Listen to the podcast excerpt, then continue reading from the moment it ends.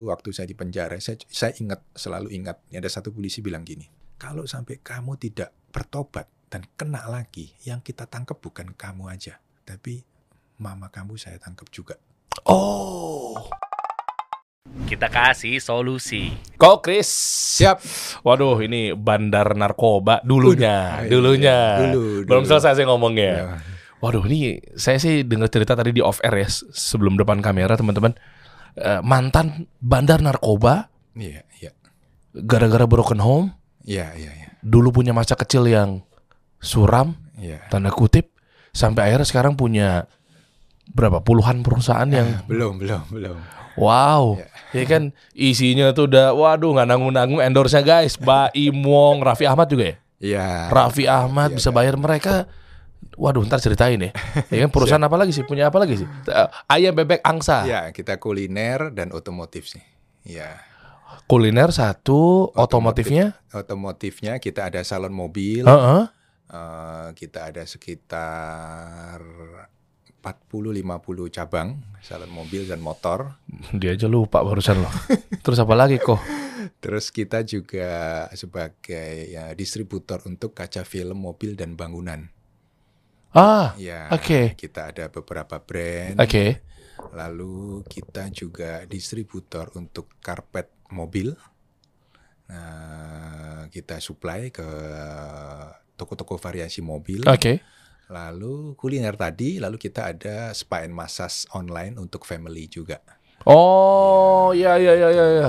Jadi on, order online tanpa harus datang ke tempatnya, datang banyak banget tuh. Ya. Ya evaluasi revenue per tahun berapa? Aduh, ya itu tadilah cukup buat makan sehari empat kali lah. Iya, lebih, Lebih dari normal sekali. ya, lebih sekali ya, lebih sekali ya. Lebih sekali. Tadi beliau bilang di offer, kecil-kecilan der, iya, kecil-kecilan anda besar-besaran saya. Enggak sama aja. Oke kok, kita mulai dari awal gini kok. Siap. Gimana sih dulu ceritanya sampai akhirnya bisa ada, ya turning pointnya apa gitu ya?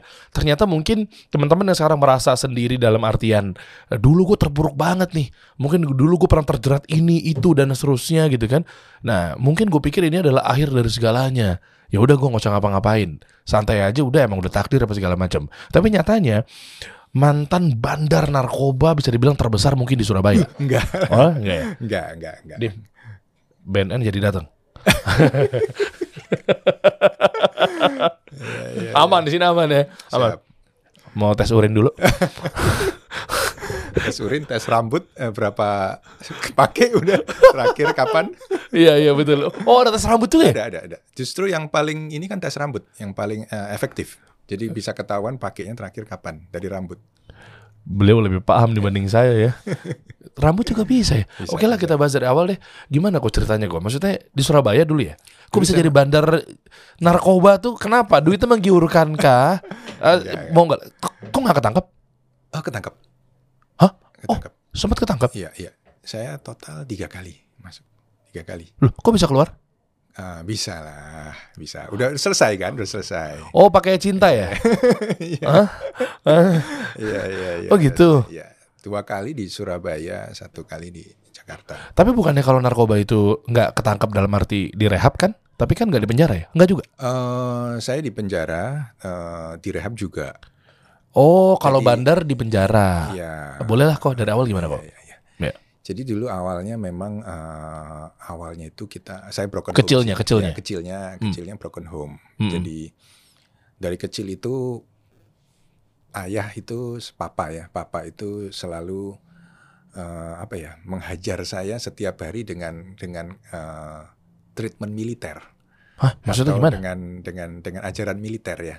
Main tangan? Ya, ya, ya, mukul gitu. Hah? Ya, ya, papa memang. Jadi dengan kekerasan. Mungkin dia pikir karena cowok ya. Dari- Jadi, jadi saya dua bersaudara, Oke, satu cewek, eh, adik saya cewek, saya paling besar cowok. oke. Dan memang papa memberikan saya eh, ajaran atau memberikan saya didikan itu secara militer dari kecil, dari kecil. Umur? Eh, mulai dari TK, mulai dari TK. Kok jangan bercanda kok? Masa Iya, iya. dari TK dipukul? Iya, iya, iya. Oh ya? Ya, dari TK. Itu memang dari TK. Jadi dari saya kecil itu memang saya sudah seperti mempunyai traumatis ya.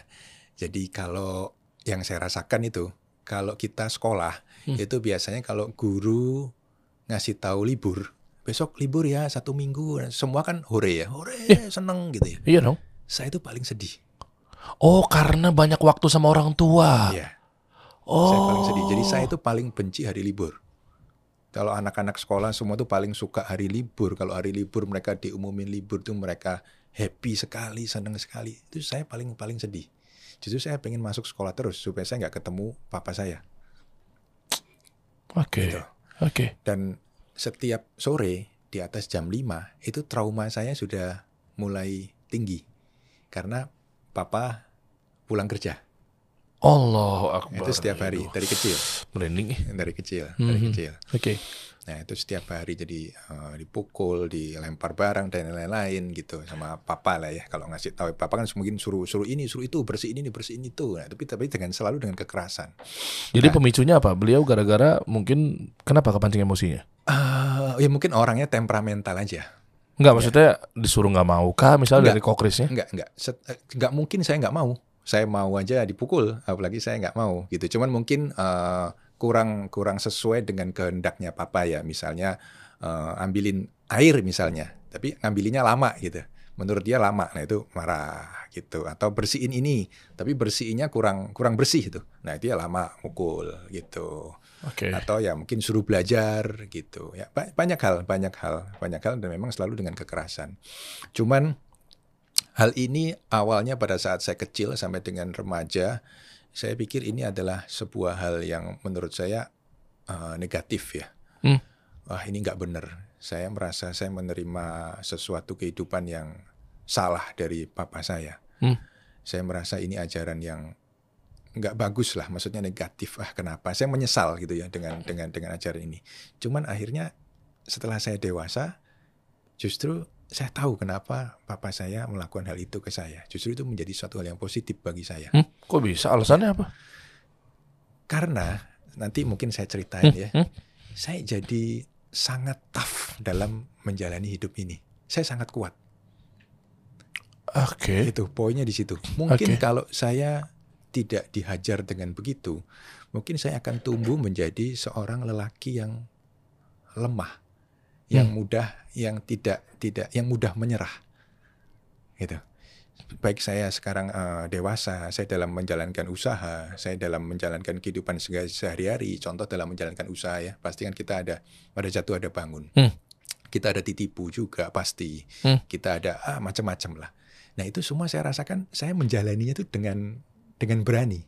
Hmm. Jadi saya tidak tidak pernah sama sekali merasa eh, saya ini lemah Ya. gitu. Sampai Oke. sampai saya saya pernah pernah bilang ke tim-tim kantor saya bahwa eh, sebelum pandemi ini ya kita sebelum pandemi kan semua pandemi memang usaha memang turun ya jatuh ya. Tapi sebelum pandemi saya bilang ini usaha usaha kita tidak mungkin bakal jatuh, tidak mungkin bakal sepi saya bilang.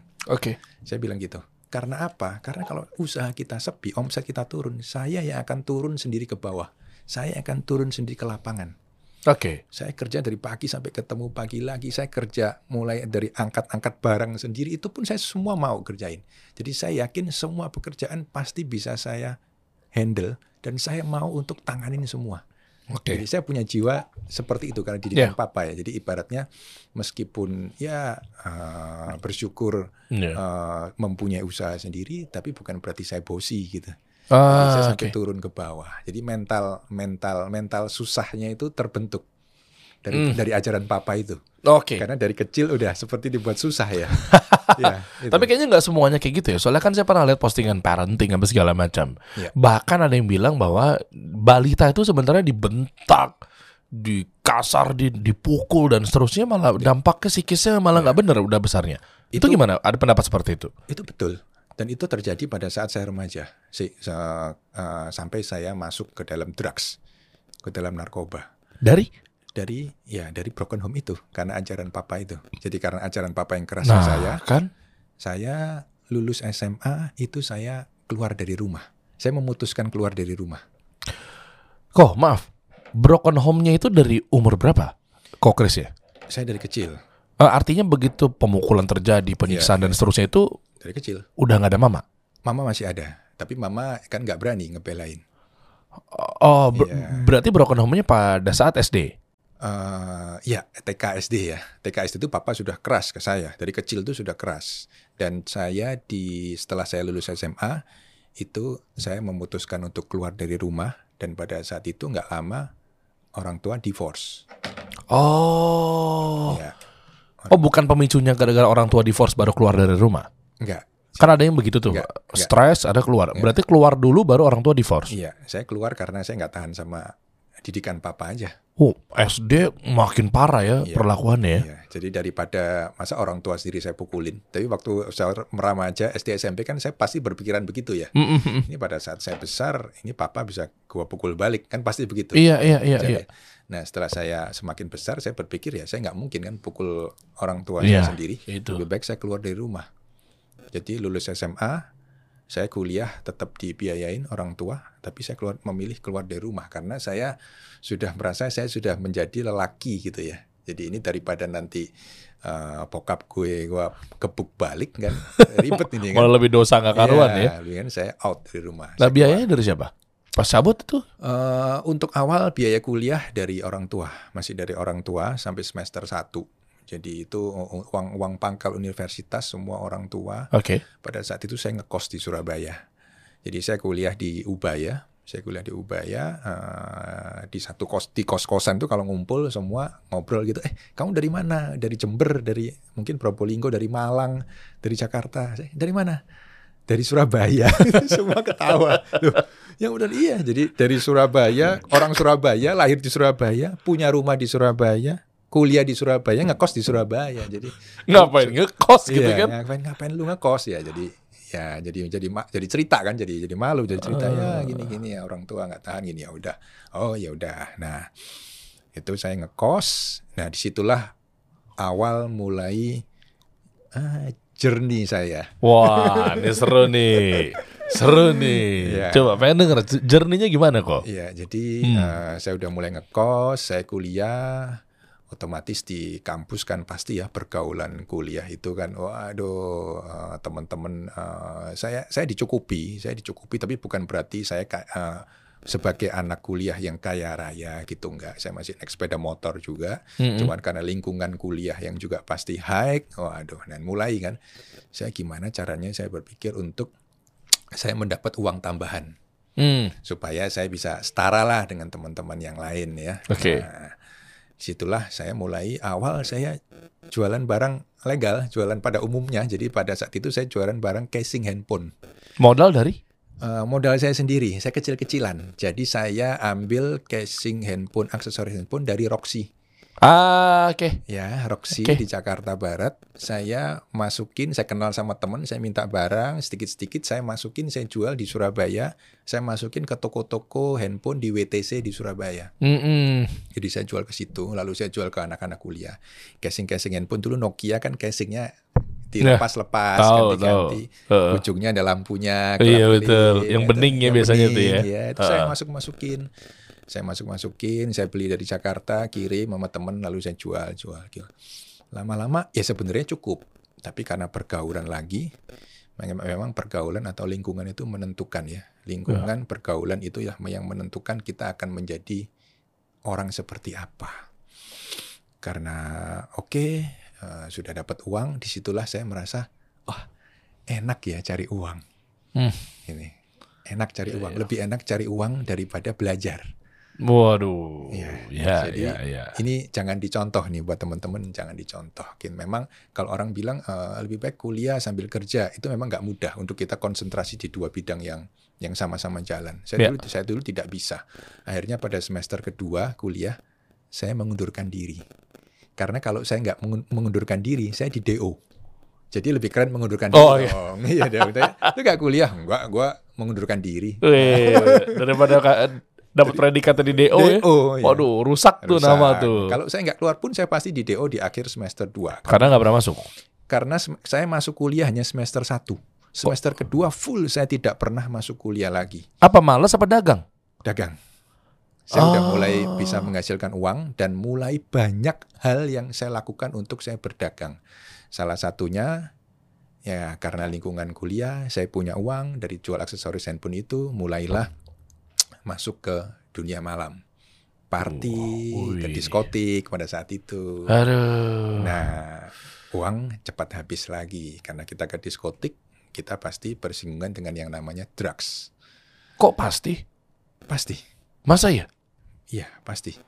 Nggak ada orang ke diskotik kalau nggak drugs itu nggak mungkin. Diskotik ya, kita bicara Ih, diskotik. Ya, diskotik. Ya, Oh iya juga. Ma- Iya. Masuk cuma mungkin jangan-jangan pengen survei lokasi. Ah, iya, iya, iya, iya.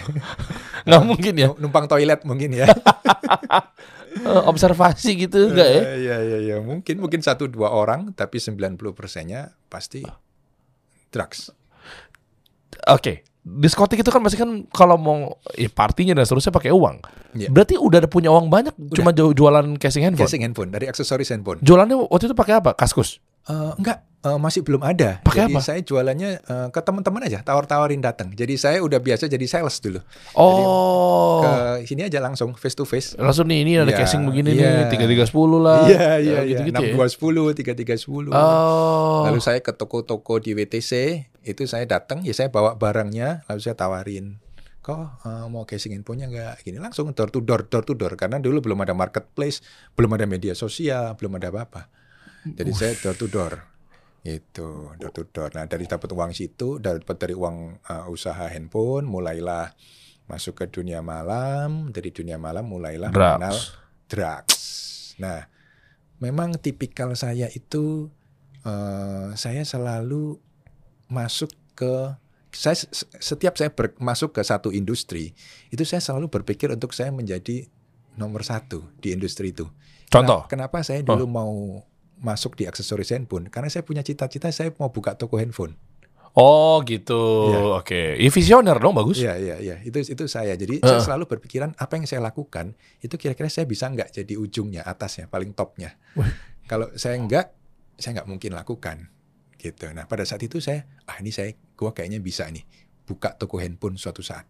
Makanya saya jualan aksesoris handphone. Saya tebak ya. Begitu nyobain drugs, ujungnya apa nih? Oh bandar. Saya harus bisa nih jadi bandar nih. Ngaco lu koko. Aduh. Itu tan tan nggak tahu ya tanpa sengaja sel- saya selalu terbentuk begitu. Jadi se- setiap saya membeli sesuatu dari orang gitu yang yang terus menerus ya, eh, saya menjadi langganan atau konsumtif ya. Saya selalu berpikiran saya bisa nggak jadi jadi seperti dia. Saya nggak mau jadi konsumtif konsumennya dia terus gitu. Saya selalu Ah. berpikiran gitu. Kayak saya misalnya suka apa, suka sesuatu apa yang saya ulang-ulang saya beli-beli, saya, saya selalu berpikir bisa nggak ya saya jadi dianya yang jual supaya saya tetap bisa menggunakan ini sebagai konsumsi, tapi saya saya juga dapat profit dari situ. Oh ngerti suka Iya. mobil beli mobil misalnya kan gonta-ganti Iya, gonta-ganti iya, gonta-ganti iya. ngapain cuma beli mobil doang Iya, nah iya. gue harus punya showroomnya Showroom misal mobil misalnya, iya, Iya kan? supaya tetap bisa menikmati yang kita mau, hobi kita, Heeh. tapi kita nggak keluar uang, tapi kita malah dapat uang kan. nah ini nih nah ini baru nih cerita merindingnya nih drugs terus Iya. kepikiran main jadi bandar narkobanya Secara nggak langsung, automatically saya Wah. langsung seperti itu karena untuk untuk awal mungkin masih sekali-sekali ya, seminggu sekali. apa narkobanya Naik waktu dulu diskotik ekstasi. kenceng banget nih kok Iya. Hah? kenceng banget hacep banget kayaknya nih Iya. pada saat itu ya, Ya, ini jangan dicontoh lagi. nih buat yang sekarang nih apa Jangan dicontoh, jangan. Kalau diskotik memang nggak ada lagi kan, zaman dulu ekstasi ya. Zaman dulu ekstasi. Cuman saya sudah mencoba semua drugs itu sudah saya coba. Apaan aja? Nih sebagai pelajaran teman-teman ya. Ini jangan dicontoh. Lagi-lagi jangan dicontoh. Apa aja ya bang ekstasi, sabu, lalu heroin, lalu putau, itu, lalu sampai yang paling tradisional kecubung pun saya coba. kecubung tuh? Kecubung apa sih? Kecubung itu itu ya eh, buah kecubung. Diapain kok mabok? Itu dimakan mabok itu. emang iya? Iya. kecubung Buah dimakan mabok? Iya. Buah kecubung itu dimakan mabok. Sampai yang paling tradisional pun saya coba. Semua semua jenis semua jenis narkoba saya coba. Pokoknya apa pun yang bisa bikin fly saya pasti udah coba itu. Kok itu nggak mikir panjang ya? Maksudnya hancur kah hidupnya? nggak mungkin mikir panjang karena Mm-mm. saya broken home tadi. Saya sama Oh. sekali tidak memikirkan masa depan saya sendiri. Yang penting saya bisa dapat uang saat ini atau untuk besok, lalu saya habiskan uang itu untuk kesenangan saya. Oke. Ya, jadi saya sama sekali tidak memikirkan masa depan. Justru Hmm. saya seperti mempunyai jiwa pemberontak pada saat itu. Hmm, oke. Jiwa pemberontak ya artinya saya pengen pengen happy ya, saya pengen senang gitu. Karena selama hidup dari kecil saya nggak pernah senang gitu. Saya merasa saya nggak pernah happy. gitu. Ah, ini nih. Saya nggak happy. Ini pelajaran yang diambil adalah ya tanpa mengurangi rasa hormat dan mungkin ini nggak mengerucut ya Iya. ke papanya kokris Iya, apa segala iya. macam ya. Tapi memang kebetulan ternyata eh, apa yang kita tanam ya buahnya nanti akan nggak jauh-jauh tuh biasanya. Iya gak sih? Makanya mungkin perlakuannya kan wah keras, ini kan di- ini disikat lah main fisik apa segala macam. Mungkin di situ kan peran anak-anak ini kan jadinya bertumbuh tapi tanpa sosok ayah yang didambakan misalnya. Jadi nggak ada perhatian lebih kan akhirnya larinya kan ke situ ya. Iya. Ya eh, begitulah kurang lebih ya ini secara gambaran global ya nggak maksud untuk mengarah ke papanya kokris tapi artinya ya begitu jadinya tuh. Betul. Itu realita bahwa bagi saya nggak ada tuh yang namanya home sweet home itu nggak ada. Hmm, Mungkin kalau oke. orang lain kan home sweet home ya. Iya iya iya. Pulang rumah itu seneng gitu. Rindu rumah itu nggak ada. Saya lebih baik nggak pulang rumah. Setiap lihat rumah ya saya merasa tertekan. Hmm. Gitu. Oke. Jadi begitu di luar, saya sendiri di luar itu memang Everybody Wah, happy. Iya itu itu. Peng, langsung saya lepas. melepaskan semua yang selama bertahun-tahun dari kecil hingga sampai SMA itu saya lepaskan semua. Jadi apa pun yang saya mau lakukan di luar saya lakukan. Saya Iya. lakukan dengan dengan dengan tanpa limit. Iya, karena nggak Iya. menemukan kenyamanan di rumah. Iya. Nah, itu bahayanya di situ tuh. Itu itu. Iya kan, akhirnya ketemu teman-teman yang bisa bikin kita happy ya udah berarti ini tempat Iya. gua bersandar nih. Iya. Muara gua ini yang gue Iya, cari nih. Karena nyaman, Aduh. dihargai, ya, ya benar-benar nggak nggak tertekan kan. Wah ternyata di sini nih tempat saya dan dan itu ternyata tempat yang salah kan.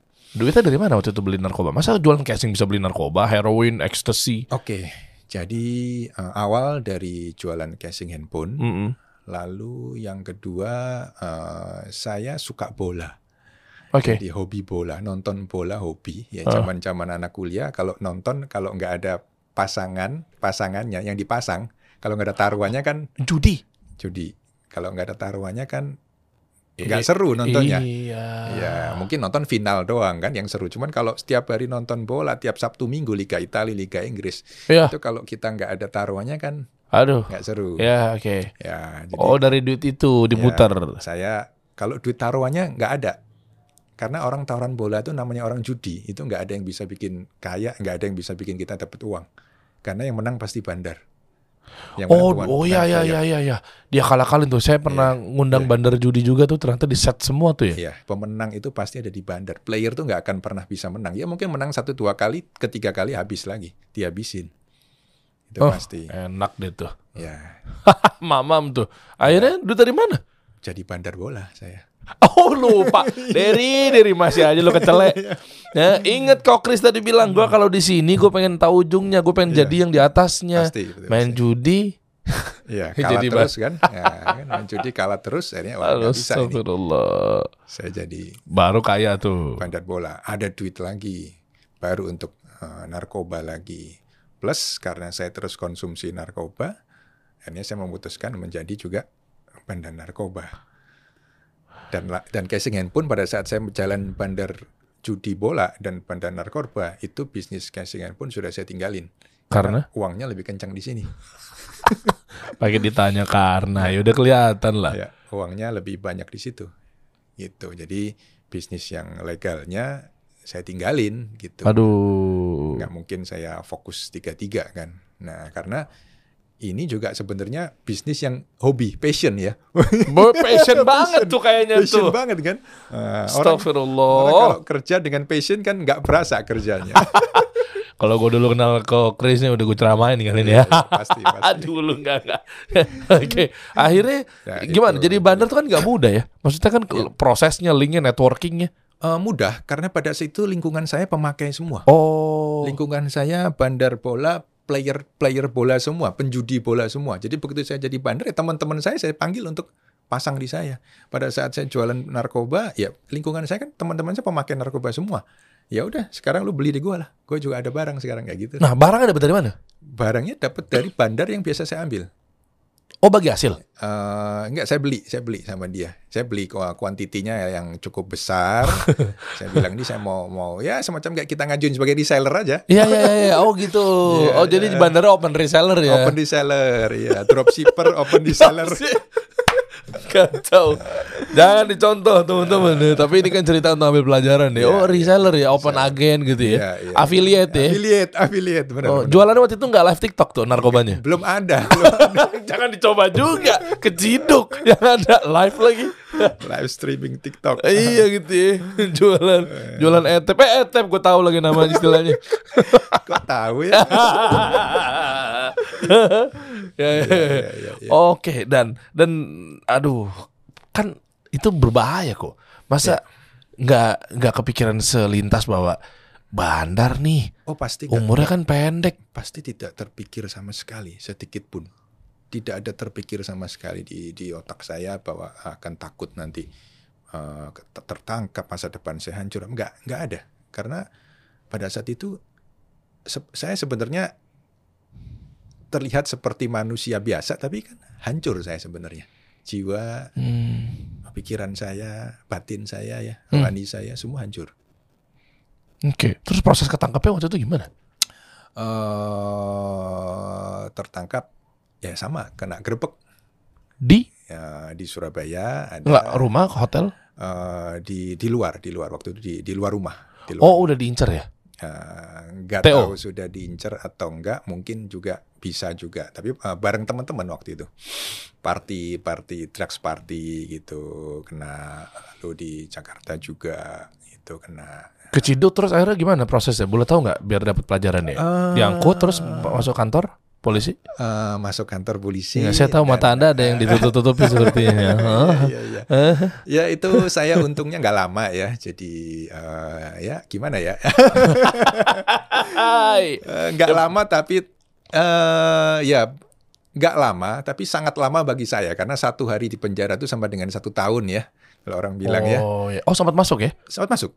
Masuk. Saya masuk kurang lebih yang per, eh, to- eh, paling lama saya sekitar dua minggu. Loh, yang kemarin yang hukuman mati, bandar dan seterusnya itu siapa namanya? Ferdi? Budiman ya. Ferdi? Iya, Ferdi Budiman ya? Freddy Budiman. Kok bisa begitu? Eh, kok anda Oh, enggak? beda, beda ininya, beda beda kapasitasnya, Mas Terry. Dia sudah sangat besar internasional. Kalau saya masih versi kampung saya ini bandarnya. Eh, tapi bandar berapa kecil. gram, berapa Enggak, kilogram? enggak. Eh, saya tertangkapnya bukan karena saya bandarnya semua, karena saya pada saat itu pemakai. Jadi meskipun saya bandar, saya kena eh, TO, eh, saya so- sorry bukan TO ya, saya kena tangkap itu pada saat saya sebagai pemakai, bukan pada saat saya sebagai bandar. Jadi barang buktinya eh, sedikit sekali. Oke. Ketika ketangkep dua minggu lepas. Ya, eh, seminggu, Eh, seminggu. 10 hari, terus paling lama dua minggu. Kok bisa? Ya, itu tadi. Oknum ya? Itu gatal-gatal di tangan. Oknum kan? Iya, itu tadi. Oh, lah. jadi ada oknum di dalam. Ya, Eh, eh, gimana caranya? Mereka dibayar atau eh, timbal baliknya barang juga? oh enggak. Hah? Kita bayar lah, bayar lah. Bayar? Pasti ya, ya. Duit dari? Eh, waktu itu saya tidak pernah tertangkap sendiri. Ini beruntungnya saya, hokinya saya. Eh, terus maksudnya hubungannya apa? Jadi saya selalu terangkat, tertangkapnya itu bareng sama teman-teman karena memang eh, pada saat semua pada saat tertangkap itu eh, statusnya kita party ya drugs ya, lagi lagi pesta narkoba. Jadi memang pada saat tertangkap saya nggak keluar uang sama sekali, cuman handphone saya habis handphone karena harta saya pada saat itu cuman handphone sama sepeda motor. Hmm. Nah itu memang habis saya jual untuk untuk untuk biaya saya keluar, tapi sebagian besar ditanggung teman-teman saya. Karena kalau kita kena kasus kan satu keluar satu beres gitu. Jadi jadi nggak nggak bisa nggak bisa ter, eh, misalnya tangkap berlima ya, ah. yang empat masuk terus sampai pengadilan, yang satu keluar kan nggak bisa. Kasusnya kan sama-sama. Oh, jadi saling saling tolong menolong. Ya, Nggak ada yang nyanyi tuh mereka tuh. Ah. Siapa bandarnya gitu? eh, enggak sih. Enggak ya? Kita kalau eh, pe- pemakaian narkoba itu loyalit- loyalitasnya tinggi, Oh gitu ya. setia kawannya tinggi. Setia kawannya. Setia kawannya tinggi. Tapi mungkin patungannya juga tinggi juga tuh. Iya. Buat keluarin oknum itu ya. Iya, jadi- Motor tuh oknum ya. Ya, jadi kebetulan memang jadi tanggung sama orang tua dari teman-teman saya. Karena pada saat itu kita masih statusnya masih kuliah ya, anak kuliah ya. Oh, bayar berapa? Ah, lalu Dulu. eh, seingat saya dulu puluhan ya. Puluhan juta ya? Eh, 10, 20, segituan lah. Bayar ke oknum polisi. Iya, iya. Tapi zaman dulu kan udah udah besar. Oke. Udah besar. 10, 20 juta ya, seingat saya. Yang saya ingat itu handphone saya Nokia yang kecil itu, handphone Nokia apa itu kita saya kasih karena saya punyanya cuma itu kan. Hmm. Saya punya itu ya udah sama motor si jual kasih Ya, terus sisanya kurang orang tua dari teman-teman saya yang tanggung, tanggung bersama. Saya kan nggak punya orang tua. Oknum yang kata guys ya, oknum polisi, nggak semua. Tapi kok belakangan ini banyak muncul oknum ya. Oknum dikumpulin jadi mabes tuh. oknum ya. Akhirnya udah tobat tuh. Tobatnya gimana tobatnya kok? Kok bisa berhenti? Belum ke bisnis tuh ya? Berarti bisnis ini belum ada ya? Belum, ini jauh, masih Nah, jauh. eh, bentar lompat bentar dikit, eh, ntar Iya. balik lagi. Bisnis pertamanya dari sekian banyak ini yang mana? Bisnis pertamanya kaca film. Oh, Kaca nanti film langsung ceritain tuh. Itu Iya, itu tuh. nanti itu urutin. ke sana gitu ya. Iya. Oh, oke. Iya. Jadi pada saat saya bertobat itu waktu saya di penjara saya saya ingat selalu ingat dan sampai sekarang pun saya selalu ingat. Mungkin pada saat itu saya masih memang masih ya masih kuliah sih memang ya masih kecil lah. Polisinya bilang gini, ada satu polisi bilang gini. Kamu kalau nggak bertobat terus, ini yang menjamin semua kan harus orang tua. Kamu juga kita lepaskan jaminan orang tua. Orang tua kamu, mama saya tahu pada saat itu. Jadi mama saya yang menjamin kalau sampai kamu tidak bertobat dan kena lagi, yang kita tangkap bukan kamu aja, tapi mama kamu saya tangkap juga. Oh. Nah, dari kata-kata itu, wah, saya kan paling sayang ya sama sama ibu, sama mama. Oke. Nah, kata-kata itu yang memang langsung menancap di dada saya bahwa, wah, saya nggak mau sampai ibu saya ditangkap. Ya harusnya kan nggak bisa. Cuma dari situ memang saya nggak ngerti kan. Polisinya bilang gitu. Mungkin untuk nakut-nakutin saya. Hmm. Tapi itu memang berhasil. Berhasil. Saya tidak mau eh, sampai mama saya tertangkap gara-gara saya. Gitu. Jadi ya akhirnya saya nggak berhenti narkoba sih. Cuman memikirkan gimana tetap pakai narkoba supaya nggak ketangkap kan. Supaya mama saya nggak ketangkap. Kacau. Kacau. Jadi saya lebih berhati-hati pakai narkobanya. Oh, gitu Pakai ya. hati- Cuman cuman itu itu tetap membekas ya. Maksud saya itu itu tetap Oh, tetap tetap eh. menjadi suatu uh, trigger untuk saya menuju uh, bertobat. Dan pada saat itu uh, singkat cerita saya masuk rehabilitasi. Hmm. Saya masuk rehabilitasi setelah keluar dari penjara yang ketiga kali akhirnya saya masuk eh, rehabilitasi. Nah, di sinilah awal pertobatan saya. Wah. Jadi menurut saya pengalaman saya kalau teman-teman semua ada yang terkena narkoba dan lain-lain semua atau atau atau rokok lah mungkin Ya. kecanduan yang paling umum rokok ya. Ya. Itu sebenarnya yang bisa membuat kita berhenti itu bukan medis Oh ya. kalau Lalu? menurut saya, Lalu? tapi adalah rohani. Maksudnya Karena- gimana? Karena rehabilitasi yang saya masuk itu 50% medis, 50%-nya rohani.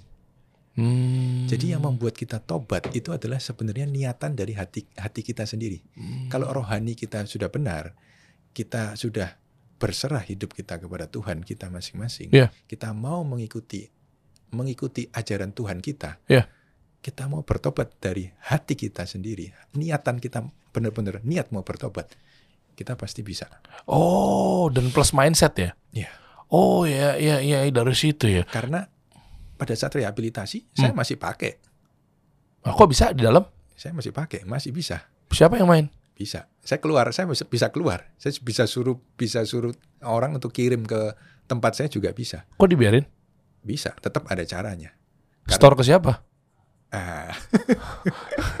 tetap ada caranya. Oh gitu. Ya, jadi pada intinya meskipun kita ini di di dalam di kerangkeng ya namanya apa dikandangin dalam satu iya. kandang yang ketat pun kalau niatan kita masih mau pakai kita tetap bisa pakai kok. Kita tetap bisa cari caranya. Nah ini. Ya. Begitupun dibalik. Dibalik. Ketika kita di kandang yang besar, seluas apa pun itu, ya, betul. mau penjaranya segede Pulau Jawa, Ya. tapi kalau dari hati kita memang pengen berubah, Pasti bisa berubah. kita nggak ngapa-ngapain juga gitu. Betul. Oh, Oke. Betul sekali. Oh itu ya ternyata ya. Jadi niatan kita untuk lepas, niatan kita untuk berhenti itu mengalahkan rasa sakit kita akibat kecanduan narkoba. Tapi kan sakau kok. Sakau, sakit, sakit, sakau, Ah. badan panas dingin, badan meriang, badan sakit semua, tulang seperti dipukulin, terus aduh badan kacau lah ya, demam tinggi. Tapi rasa jadi pada saat kita merasakan sakit badan kita, Ah. pikiran kita kan ada dua tuh. Iya. Mau kita sembuh dengan kita pakai lagi supaya rasa sakit ini berhenti, Heeh. atau kita mau bertahan dengan sakit ini sampai titik maksimal sakit ini akan hilang sendiri dan kita bertobat. Bisa mati gak sih gara-gara sakau? nggak bisa. Ah, Nggak ini bisa. poinnya nih. Saya pikir tuh ya ya ini cerita juga ya. Saya nggak pernah sesadis kau Chris juga sih nggak pernah segitu ya.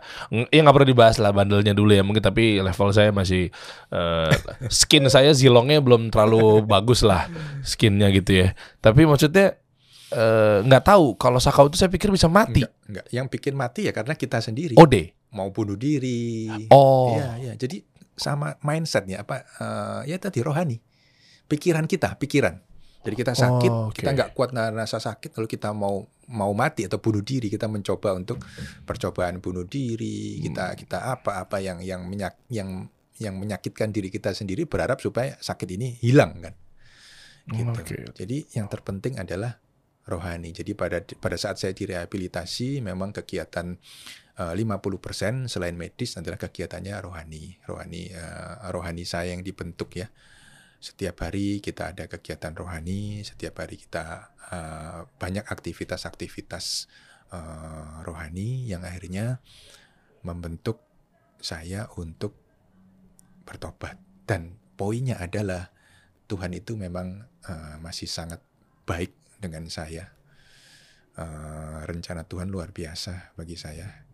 Jadi di tempat rehabilitasi itu saya ditemukan oleh orang tua rohani yang kebetulan orang tua rohani sosoknya adalah seorang laki.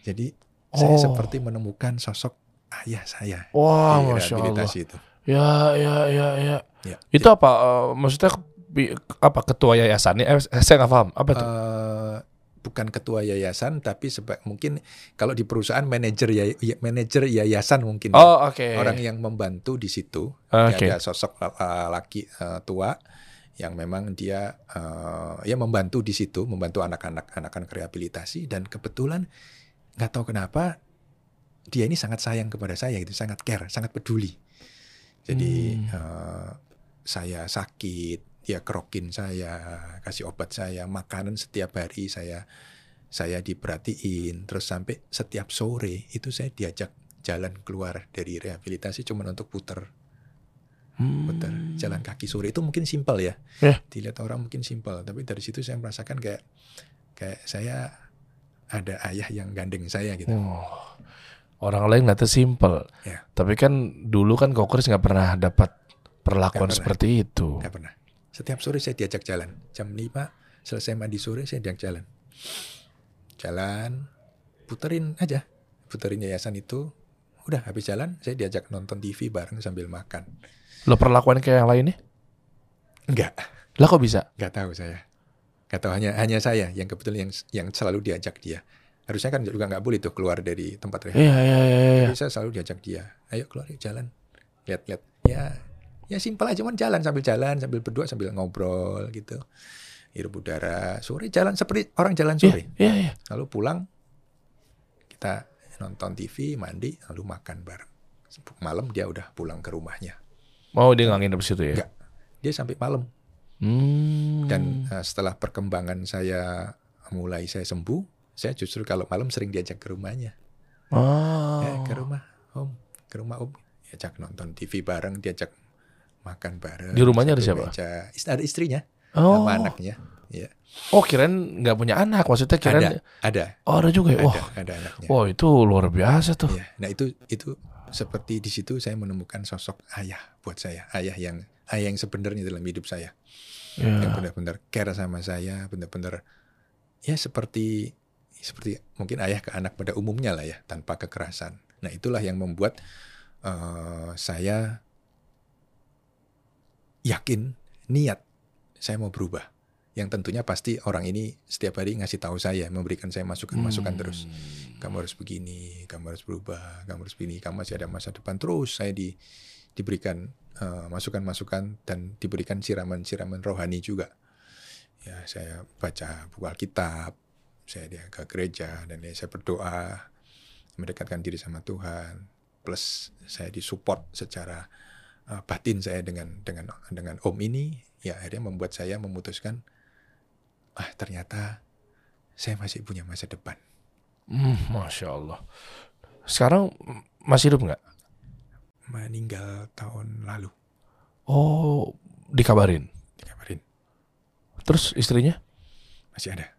Dan istrinya setiap hari, setiap hari, setiap pagi istrinya selalu kirim ayat ke saya. Tidak pernah lepas sampai detik ini. Setiap pagi istrinya selalu memberikan saya ayat untuk saya baca. Oh, itu WA, ke WA ya. Tidak pernah satu hari pun. Udah kayak anak sendiri ya. Iya.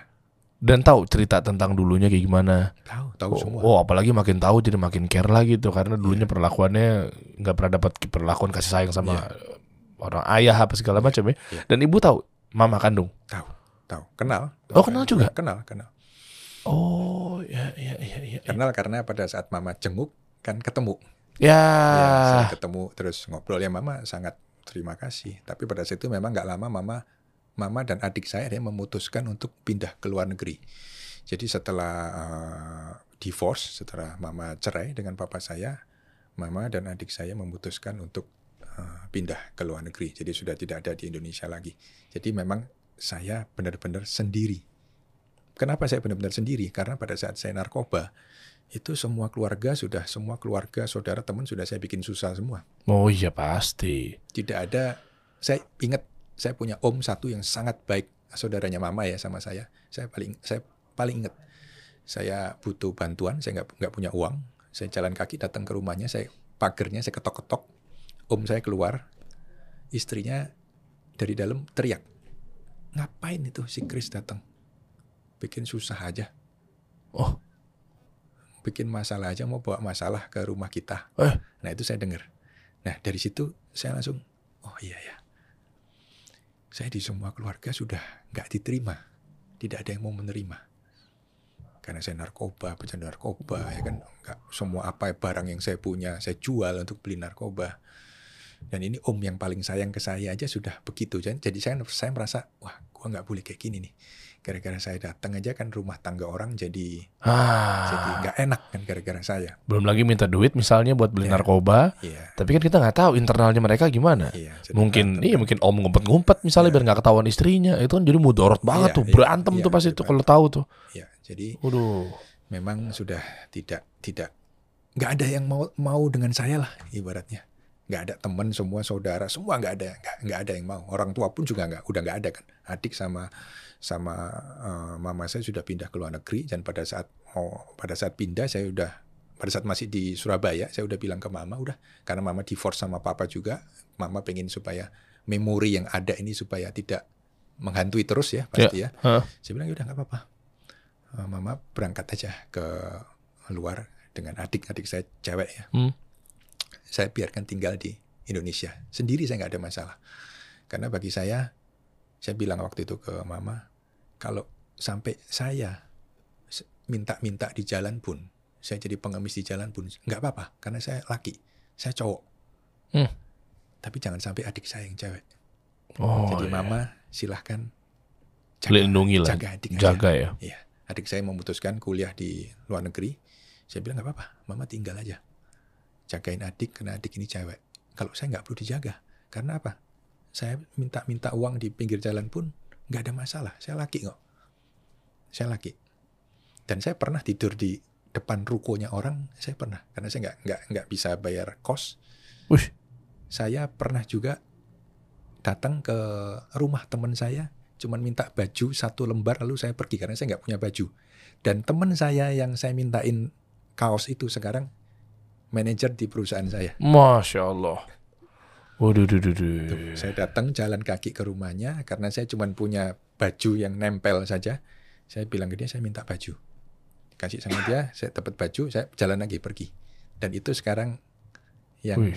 GM di perusahaan saya nggak lupa tuh ya tetap diajak tuh ya ya Oh, nah, modal pertama gimana ketika bangun usaha ini? Kan Iya. cerita tadi kan nggak ada yang kenal, nggak ada yang mau ngasih modal, uang dari mana? nggak ada yang kenal nggak ada Iya. yang ngasih modal Narkoba juga udah tinggal kan?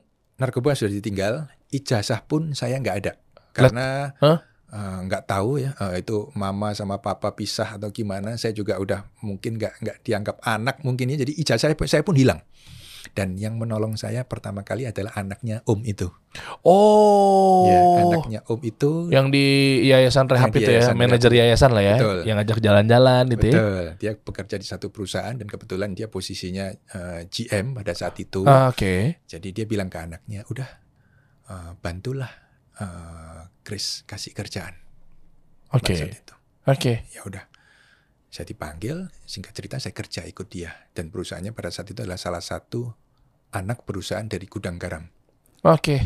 Saya kerja, saya sebagai sales advertising, saya kerja kerja kerja kerja dan pada saat eh, ya karena saya udah biasa jual ya, Mm-mm. jual barang, jual barang, jual motor saya sendiri, jual Oh, narkoba, iya benar. jual judi online. jadi Oh, udah sel-sel mas masuk-masuk langsung manajer nih kayaknya nih. ya, Hah? jadi begitu saya ditaruh di divisi sales ya otomatis saya bisa jual, Iya. jual-jual barang-barang advertising, saya jual eh, untuk bikin-bikin spanduk, kartu nama, brosur saya bisa jual. Nah, singkat cerita bertemulah saya dengan eh, mantan owner saya di perusahaan kaca film.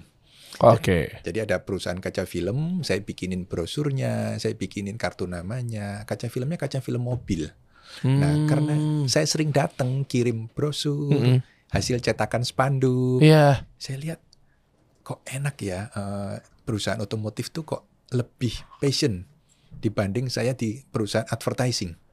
Wah ini udah mulai lagi nih ya. Kalau ingat kaidahnya teman-teman, Kokris ini eh, selalu menginspirasi dan memotivasi kita. Kalau sekarang kita berada di titik yang di bawah, Ya. jadilah menjadi utamanya. Iya. Ngelihat showroom, bawa brosur gitu ya, Iya, cetak iya, ini itu, Iya, iya, iya. itu udah mulai kelihatan bibitnya tuh. Udah. Waduh, Udah. Jadi saya, oke. kayaknya saya lebih cocok ini di perusahaan otomotif ini ya. Saya saya bisa bisa untuk saya merasa kayak saya punya lebih bisa punya masa depan gitu. Lebih passion. Ini saya bilang sama bosnya pada saat saya kirim spanduk, "Bos ini hasil spanduk kartu nama cetakan. Saya mau kerja dong, ikut di Bapak boleh nggak?" Ditolak saya. Alasannya? Kamu nggak punya pengalaman otomotif. Ah. Perusahaan saya ini semua karyawannya pengalaman semua di bidang otomotif. Pengalaman kamu kan gak ada di otomotif. Saya nggak mau punya karyawan yang tidak ada pengalaman. Ya. Oke, ya udah nggak apa-apa. Saya terus layanin dia kan order yang terus saya layanin. Selang berapa waktu saya ngajuin diri lagi. Ketemu lagi saya ngajuin. Setiap ada kesempatan saya deketin, saya ngajuin lagi. Kok boleh nggak aku kerja ikut kamu?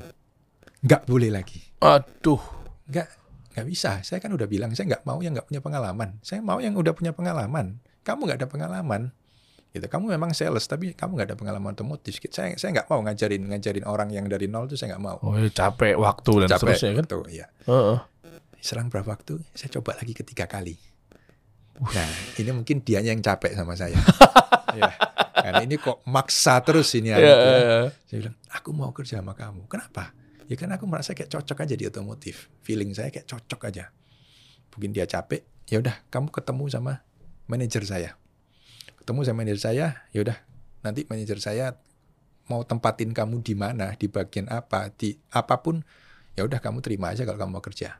Ya udah, saya temuin manajernya, saya bilang, saya habis ketemu bos, katanya bos saya boleh nih gabung, izin boleh nggak masuk? Ya udah, saya nggak pakai ijazah. Karena berdasarkan saya tadi sering ketemu sama dia lagi. Iya, iya, Karena iya. kalau dimintain ijazah saya nggak punya. Jadi saya nggak tahu ke mana. Udah langsung keterima masa bisa? Bisa keterima. Oh, karena udah kenal vendor juga kali Iya, ya. betul. Udah udah lama kan Iya, ngelayanin. iya, terus iya, iya. kata bos, ya udah nih Chris kalau mau kerja, ya udah kalau lu mau memang mau ambil, ambil aja, pakai aja. Ya udah manajernya bilang, ya udah, oke. Kalau bos bilang suruh pakai Chris ya, kita- saya pakai. Kita bilang gitu. Ya udah saya resign, singkat cerita saya resign, saya masuk. Nah, Apa jabatannya? sales junior. Oh, oke. Ya, Oke. pada saat saya masuk sebagai sales junior, ternyata di lingkungan sales semua itu semua mereka adalah temennya manajer ini, teman-teman kecilnya. Ah, oke. Jadi manajer ini kan punya anak buah ya, anak Hmm. buahnya itu termasuk saya, itu semuanya adalah temennya dia, teman kecilnya dia. Hmm. Yang bukan teman kecilnya dia hanya saya. Waduh, itu peluangnya kecil banget kalau Ya. mau promosi jabatan dan lain sebagainya. Nah, otomatis pada saat itu saya satu-satunya orang yang dikondisikan paling ditekan, eh pasti. pasti. Iya. di sinilah saya mulai merasakan manfaat dari didikan ayah saya. Karena saya sangat ingat, saya baru kerja kurang lebih berapa minggu. Saya sudah dimaki-maki dan dilempar spanduk sama brosur. Oh, ini perusahaan sebelumnya itu ya? Iya, iya, iya. Wow. Saya salah, saya lupa melakukan kesalahan apa, saya dimaki-maki dan saya dilempar spanduk atau brosur. Kalau pada saat itu mungkin saya tidak pernah merasakan didikan orang tua saya, pasti pikiran saya pada saat itu saya marah dan saya lawan. Minimal saya pasti resign. Minimal. Iya, iya. Saya pasti ngambek, saya pasti resign. Gen Z sih resign sih. Dia Resign. lebih milih healing biasanya. Lalu saya tidak pernah dikondisikan pada saat ditekan. Tapi karena saya sudah terbiasa kan. Iya, iya, iya. Saya udah biasa Hmm. dimarahin, dimaki, dipukul, ditekan itu saya udah hal yang nggak kaget Eh, ah. bagi saya. Jadi pada saat saya menerima hal itu di depan beberapa orang karyawan, pikiran saya cuma satu. Kalau ini saya turutin emosi, saya resign, cita-cita saya selesai di perusahaan ini. Mm-mm. Kan saya ngajuin diri ke owner sampai Iya. tiga kali saya mau kerja. Oh, Oke. Berarti saya harus bertahan. Saya harus bertahan dan saya harus buktikan bisa nggak saya di perusahaan ini. Ya saya diem, saya minta maaf, saya diem, saya bertahan, bertahan terus, bertahan, jualan, jualan, jualan, jualan. Apa yang dijual? Kaca film Oh, Ya. oke. Nawarinnya ke mana marketnya? Ke toko-toko variasi mobil Oh. di Surabaya dan sekitarnya. Oke. Singkat cerita, saya berhasil jualan di Surabaya. Udah berhasil jualan, udah mulai. eh, bos bilang, ya udah, ini Chris udah bisa nih jualan nih di dalam kota di Surabaya kan waktu itu kan. Ya. udah boleh nih dia keluar kota. Kasihlah dia area luar kota. Oke, manajernya kan yang tentuin. kan. Mm-mm. Di saat itu adalah saya posisi yang paling harus ditekankan sama dia. Karena semua temennya dia semua. Mm-mm. Kantor di Surabaya. Di saat itulah dia bilang, oke, kalau gitu Chris kasih wilayah Jakarta. Wush. Karena menurut dia, Jakarta adalah kota yang paling sulit. Waduh. Karena kan dia, kita kantor cabang, Iya. kantor pusat Surabaya. Betul. Tidak ada kantor pusat di Jakarta. Padahal kompetitor semua punya kantor pusatnya sendiri di Jakarta. Aduh. Dan Jakarta adalah ibu kota paling keras. Mereka semua enak pegang Kalimantan, Sulawesi, Bali, Jawa Timur, Jawa Tengah yang area Iya, kandang iya, ya. iya, betul.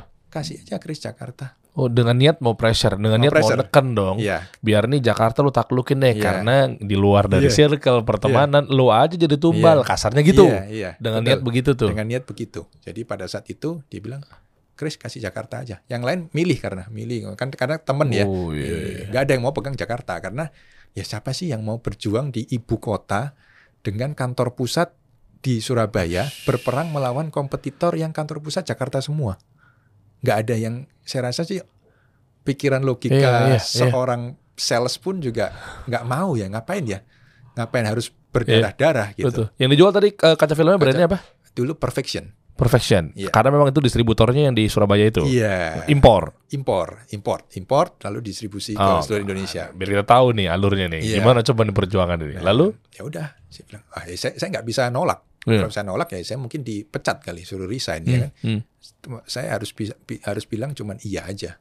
Ya udah saya bilang oke nggak apa-apa. Eh, berarti dikasih wilayah Jakarta ya kamu ya mau ya? Ya mau lah nggak mungkin nggak mau gitu.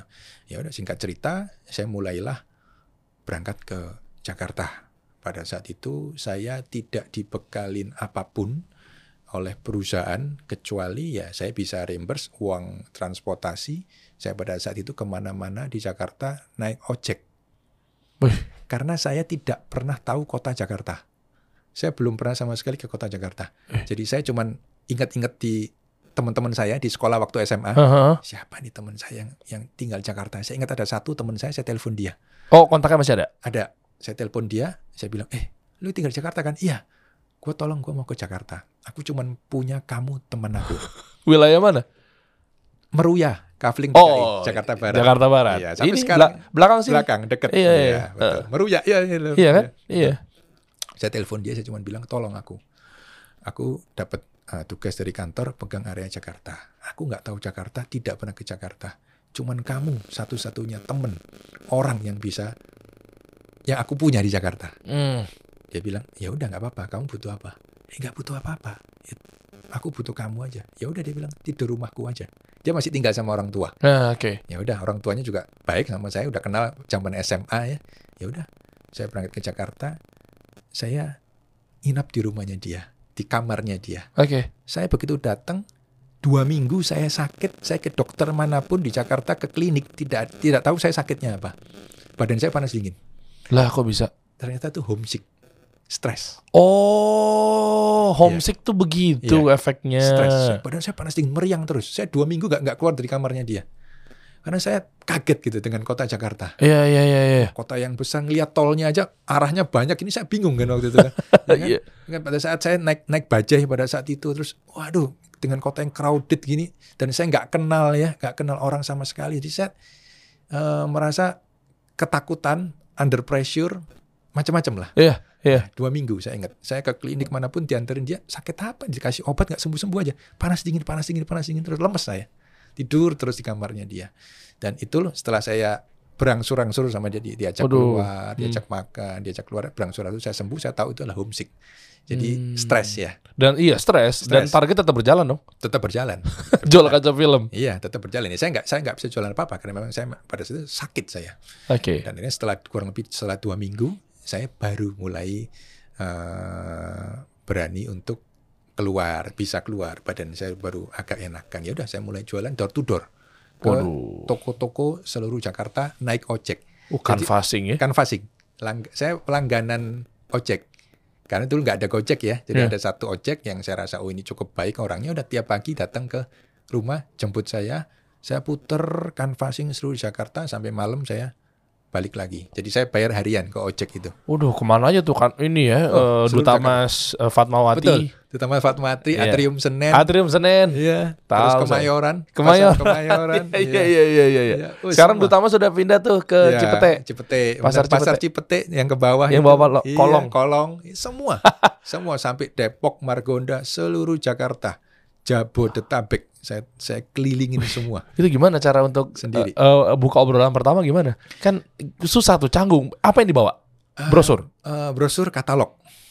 Brosur dan katalog. Ya. Boleh dong kok ceritain tuh gimana tuh cara buka omongan. Barangkali teman-teman uh, sales tuh ada yang Iya. nonton deh. Eh, jadi gini, setiap saya mau bertemu orang atau bertemu klien itu pastinya saya selalu pasti mempelajari kompetitor itu wajar ya. Mm-mm. Lalu saya selalu melihat lawan bicara saya ini sukanya apa. Itu saya selalu pelan-pelan korek dulu. Jadi saya nggak langsung datang langsung tawarin, oh ini kaca film saya ini lebih bagus. Nggak, nggak. Oh nolak tuh biasanya tuh Ya, langsung. nolak, nolak. Saya pasti ajak ajak ngobrol dulu. Heeh. Ajak ngobrol dulu, ajak ajak cari tahu dulu sukanya apa sih. Misalnya kalau dia suka suka burung ya kita ajak ngomong tentang burung ya Mm-mm. kan, iya. perkutut dan lain-lain meskipun saya nggak ngerti ya saya ajak aja. Kalau dia suka apa ya saya ajak ngomong. Nah, pada saat itu memang saya sudah menyiapkan eh, satu satu senjata marketing bahwa produk saya ini lebih unggul dibanding kompetitor nomor satu saat itu. Apa itu senjatanya? Eh, ya tools marketing lah, Oke. tools marketing. Jadi pada saat saya sebelum berangkat Jakarta itu saya selalu saya sudah berpikir menyiapkan saya nggak boleh gagal ini, saya nggak boleh gagal karena ini yang saya mau. Jadi apa kira-kira yang yang yang yang salah satu hal poin yang bisa membuat begitu saya demokan itu customer minimal 50% langsung oh iya produk kamu Wah. bagus ya. Berat juga ya. Nah itu itu saya cari. Bukan harga. Eh, harga termasuk kualitas termasuk. Nah, tapi saya bisa buktikan dengan sebuah alat pada saat itu. Jadi saya punya satu alat yang bisa membuktikan bahwa produk saya ini lebih bagus kualitasnya dibanding kompetitor dengan harga 50% lebih murah. Hah? Dan itu dijual di Ya. eh, apa? Eh apa tadi nama brandnya? Eh, Yang kaca film? Perfection pada saat itu. Belum bukan brand saya Mas. Oh, belum lagi nih. Belum, masih jauh. Waduh. Perjalanannya masih jauh. Masih jadi masih brand jadi orang. terbukti nih kaca film yang ada di masterpiece window film ini Iya, iya. artinya dengan bawa perfection aja Iya, iya. bisa begini Iya. otomatis ada di brand sendiri lah istilahnya seperti Iya, itu ya. iya, itu iya. pasti udah kualitasnya udah nggak mungkin nggak kali-kali ya, istilahnya ya, kurang lebih seperti itu. oke nanti nanti ya pelan-pelan teman-teman ya oke akhirnya apa tools senjatanya apa Eh, saya saya punya alat tester untuk alat tester panas, alat alat, alat tester digital tolak panas. dari siapa alatnya Eh, alatnya dari owner saya. Yang Alatnya dari- Surabaya Iya, yang Surabaya. Nah, Oke. di situ eh, pada saat itu memang eh, kita dengan owner sama-sama berpikir lah kira-kira apa sih yang dalam waktu kurang lebih nggak lama ya, kurang lebih kita harus berinteraksi dengan klien ini kan klien juga sibuk ya di Aduh, toko iya ya benar. kan. Kita butuh waktu paling lama 5 sampai 15 menit. Tapi bisa membuat klien itu membeli barang kita. Satu menit menentukan tuh kalau sales Ya, tuh. Betul. bahaya tuh obrolan berikutnya Iya, tuh dari satu menit pertama tuh. Iya, kalau kita cuma ngobrol, ngerayu, minta tolong, lama-lama owner juga pasti ownernya toko juga pasti pusing juga. Kerjaan gua banyak nih lu pusing amat ya kan? Banyak ngomong banyak bacot lu udah gini-gini ya Iya, iya. kecap nomor satu pusing. Jadi kita harus punya alat. Iya betul. kita harus punya alat yang begitu kenalan ngobrol sebentar kita buktikan alat oke. Paling enggak lu minat enggak kalau minat pasti omongannya udah beda kan cair Iya, kan ah, suasana betul. ya kita menemukan alat itu dan alat itu saya bawa dan alat itulah yang membuat senjata saya ke semua toko singkat cerita saya distribusikan barang ini ke seluruh Jakarta bahkan ke setengah wilayah Indonesia bagian barat Wow. ya Indonesia Barat. Jadi saya Wow. masuk ke Bandung, Ciawi, Ciamis sampai Lampung terus sampai Aceh, naik terus. Jadi dari Jakarta, DKI Jakarta ke sana ke atas. Iya. Itu saya akhirnya distribusikan semua sendiri. Wow, bentar kok, mundur bentar deh. Alat itu gimana cara kerjanya? Alat itu digital. Alat Enggak, maksudnya diapain? dua angka. Ditempelin ke Oh, dimasuk eh, lembaran plastik kaca film Iya, itu tahu. dimasukin di alatnya. Di alat itu bisa mengukur sinar matahari yang bisa ditolak itu berapa persen. Oh. Iya, jadi bukan pakai lampu panas gitu kan. Kalau pakai lampu panas kan Biasa pakai itu tuh ngetesnya. pakai perasaan ya, nggak Iya. kelihatan angka. Ini langsung angka. Jadi bisa keluar, bisa dites. Dan di situ saya buktikan sama kompetitor saya ini loh angkanya sekian. Komputer saya nggak nggak nggak nggak jelek, bagus. Berapa persen tapi itu kaca filmnya? Yang 80 persen? Oh, yang 40, 20, 40, 60, 20 bisa, kan Bisa. 20 bening banget. bisa, tapi bisa tolak panasnya tinggi. Itu cuma dimilikin perfection. Pada saat itu, pada saat itu, Pada ya. saat itu, iya pada, saat, itu. Iya, pada saat itu, Oh. pada saat Oh, berarti di sini apa sih kunci yang kita atau mungkin hikmah yang bisa kita petik ternyata seorang sales tuh kalau modal bacot Ya. tapi nggak ada aksi ya. Oke, jangan Susah tuh. capek, buang waktu, buang tenaga, buang waktu, dan hasilnya juga ya saya rasa nggak nggak akan ada hasil maksimal. Iya. Kita Satu sasat sasat praktek Iya, langsung experience. iya, Di situ tuh experience and experiment. Iya. Sehingga begitu ngeliat tak tak tak, oh Minimal- meskipun harganya lebih tinggi dikit. Enggak, saya 50% lebih murah. Lah bisa begitu ya? Iya. 50% lebih murah dari kompetitor. Jadi begitu orang toko bos toko ini di, eh, lihat di alat lalu tanya harganya berapa, dia pasti 100% las- langsung minat. Closing itu mah. Pasti langsung minat. Tinggal Iya. tinggal dia hitung saldo tabungan aja mau mau belanja berapa, mau beli berapa ya kan. Lalu sistem udah, udah pokoknya ngomongnya udah langsung dalam gitu. Oke, sistem kerjasamanya lu mau gimana? Lu mau proteksi gimana ya langsung udah udah teknis. ya, ya. langsung udah serius gitu langsung udah Iya, suruh iya. duduk saya kalau enggak tadi berdiri terus kan saya kan bisa gitu sales Iya. kan Seluruh Indonesia ternyata. Iya, sales. Balik Surabaya gimana nama harumnya nih? akhirnya saya nggak balik Surabaya Lah kok karena saya sudah distribusi ke seluruh Indonesia bahkan saya sampai saya melakukan exhibition saya melakukan pameran ikut pameran exhibition saya urusin semua sampai masalah penagihan saya jual barang tagihan sampai saya pamer saya pameran itu saya head on depan langsung saya taruh stand saya depan ke kompetitor saya nomor satu saat itu uh Jadi saya bilang sama owner, lu mau pameran berani? Berani. Lokasinya mau di mana? Saya mau di depan persis dari kompetitor yang terbaik saat sekarang. Karena prinsip saya adalah kalau customer banyak datang ke tempatnya dia, pastikan lihat booth saya. Otomatis. Oh, itu strateginya. Kalau saya menjauh, siapa orang yang mau ke stand kita? Iya. Merek kita nggak belum terkenal, Nah, ini nih. tapi kita deketin ke dia. Jangan berpikir bahwa kita takut sama kompetitor ya. Justru di balik itu ada strategi khusus dalam tanda kutip Iya. hadir di samping kompetitor atau depannya Iya. dengan harapan orang itu begitu mungkin gak cocok, Iya. dia balik badan Pasti ada ngeliat. sesuatu. Ah. Begitu ngelihat, kita tarik, kita tesin, ya Oh, jangan-jangan Alfamart Indomaret nyontek cara Anda ya. KFC McD juga nyontek cara Anda sepertinya ya. Iya. ya intermezzo ya, tapi artinya ya begitu kan. Iya, iya. Bukan menjauh dari kompetitor ya. Justru kita mendekat karena kalau kita menjauh ya siapa yang mau ke brand kita? Pada saat itu kita kecil sekali kan. Keren, saya Akan ada hormat sama mampir. Ko Chris ya. Ini kalau ada penghargaan Best Sales of the Year. Enggak, itu semua karena terpaksa. Oh, the power of Ya, karena kepepet. keadaan. Keadaan deh. ya. Tapi bisa jualan secanggih itu loh. Nah akhirnya gimana? Pertama kalinya ya pasti lah udah relasi udah punya, Iya, vendor udah dipegang. betul. Buka toko sendiri modal siapa? Kita main cepet aja nih, penasaran nih. Nah, Akhirnya Heeh. pada saat kenapa saya bisa buka sendiri ya? Iya ini kan yang pertama Iya, kali tadi iya. adalah masterpiece ya. Ya, masterpiece. Perta- Karena- Oke, ya, itu gimana ceritanya? Kenapa saya bisa buka sendiri? Jadi Hmm. singkat cerita setelah saya berhasil berhasil di Indonesia bagian barat, Mm-mm. owner bukain saya kantor cabang. Ya itu udah clear lah, saya udah enak. Ada, Oke. ada anak buah, Oke. tim, mobil, fasilitas, kantor, rumah, semua di fasilitas semua diberikan. Nah, akhirnya saya pada saat itu sampai mencapai satu titik bahwa saya tidak perlu ke kantor pun ini perusahaan sudah jalan dengan sendirinya dengan omset yang sangat bagus. Jadi owner saya sudah tidak pernah meli- mengecek saya lagi, saya absen di kantor atau udah nggak pernah. Nanya saya lagi di mana aja udah nggak pernah. Bebas. Udah percaya. Semua yang menjalankan tim saya semua, staff saya, eh, anak buah saya semua. oh, udah jadi manajer ya? Udah, saya udah jadi udah naik saya, udah naik jadi manajer. Nah sampai suatu eh, suatu saat, singkat cerita, saya merasa saya pada saat itu sudah se- seminggu ya Senin sampai Sabtu itu saya mungkin masuk kantor mungkin dua tiga hari setengahnya saya di luar ya nonton main apa semua saya merasa di satu titik pada saat itu hidup saya kok nyaman banget ya gitu kok Hmm. enak banget gitu Hmm, Oke. Berarti di saat saya merasakan hidup saya terlalu enak, itu di saat itu saya muncul sebuah kekhawatiran. Kayak ini saya bisa nyaman sampai kapan gitu. Ya. Kan kita merasa enak nih. Saya lagi nonton siang-siang ya kan, Hmm. makan yang lain kerja, saya makan di kafe nongkrong. Kan enak banget, Oh ya. nyaman banget. Iya. Tapi saya berpikir gua bisa nyaman ini sampai berapa lama ya? Kalau suatu saat hilang kenyamanan ini kan Takut saya. Hmm. saya takut kehilangan kenyamanan diri saya sendiri. Iya, iya, iya. iya. Ya, jadi karena terlalu nyaman, saya Iya. takut kehilangan ini. Lalu Gitu. solusinya?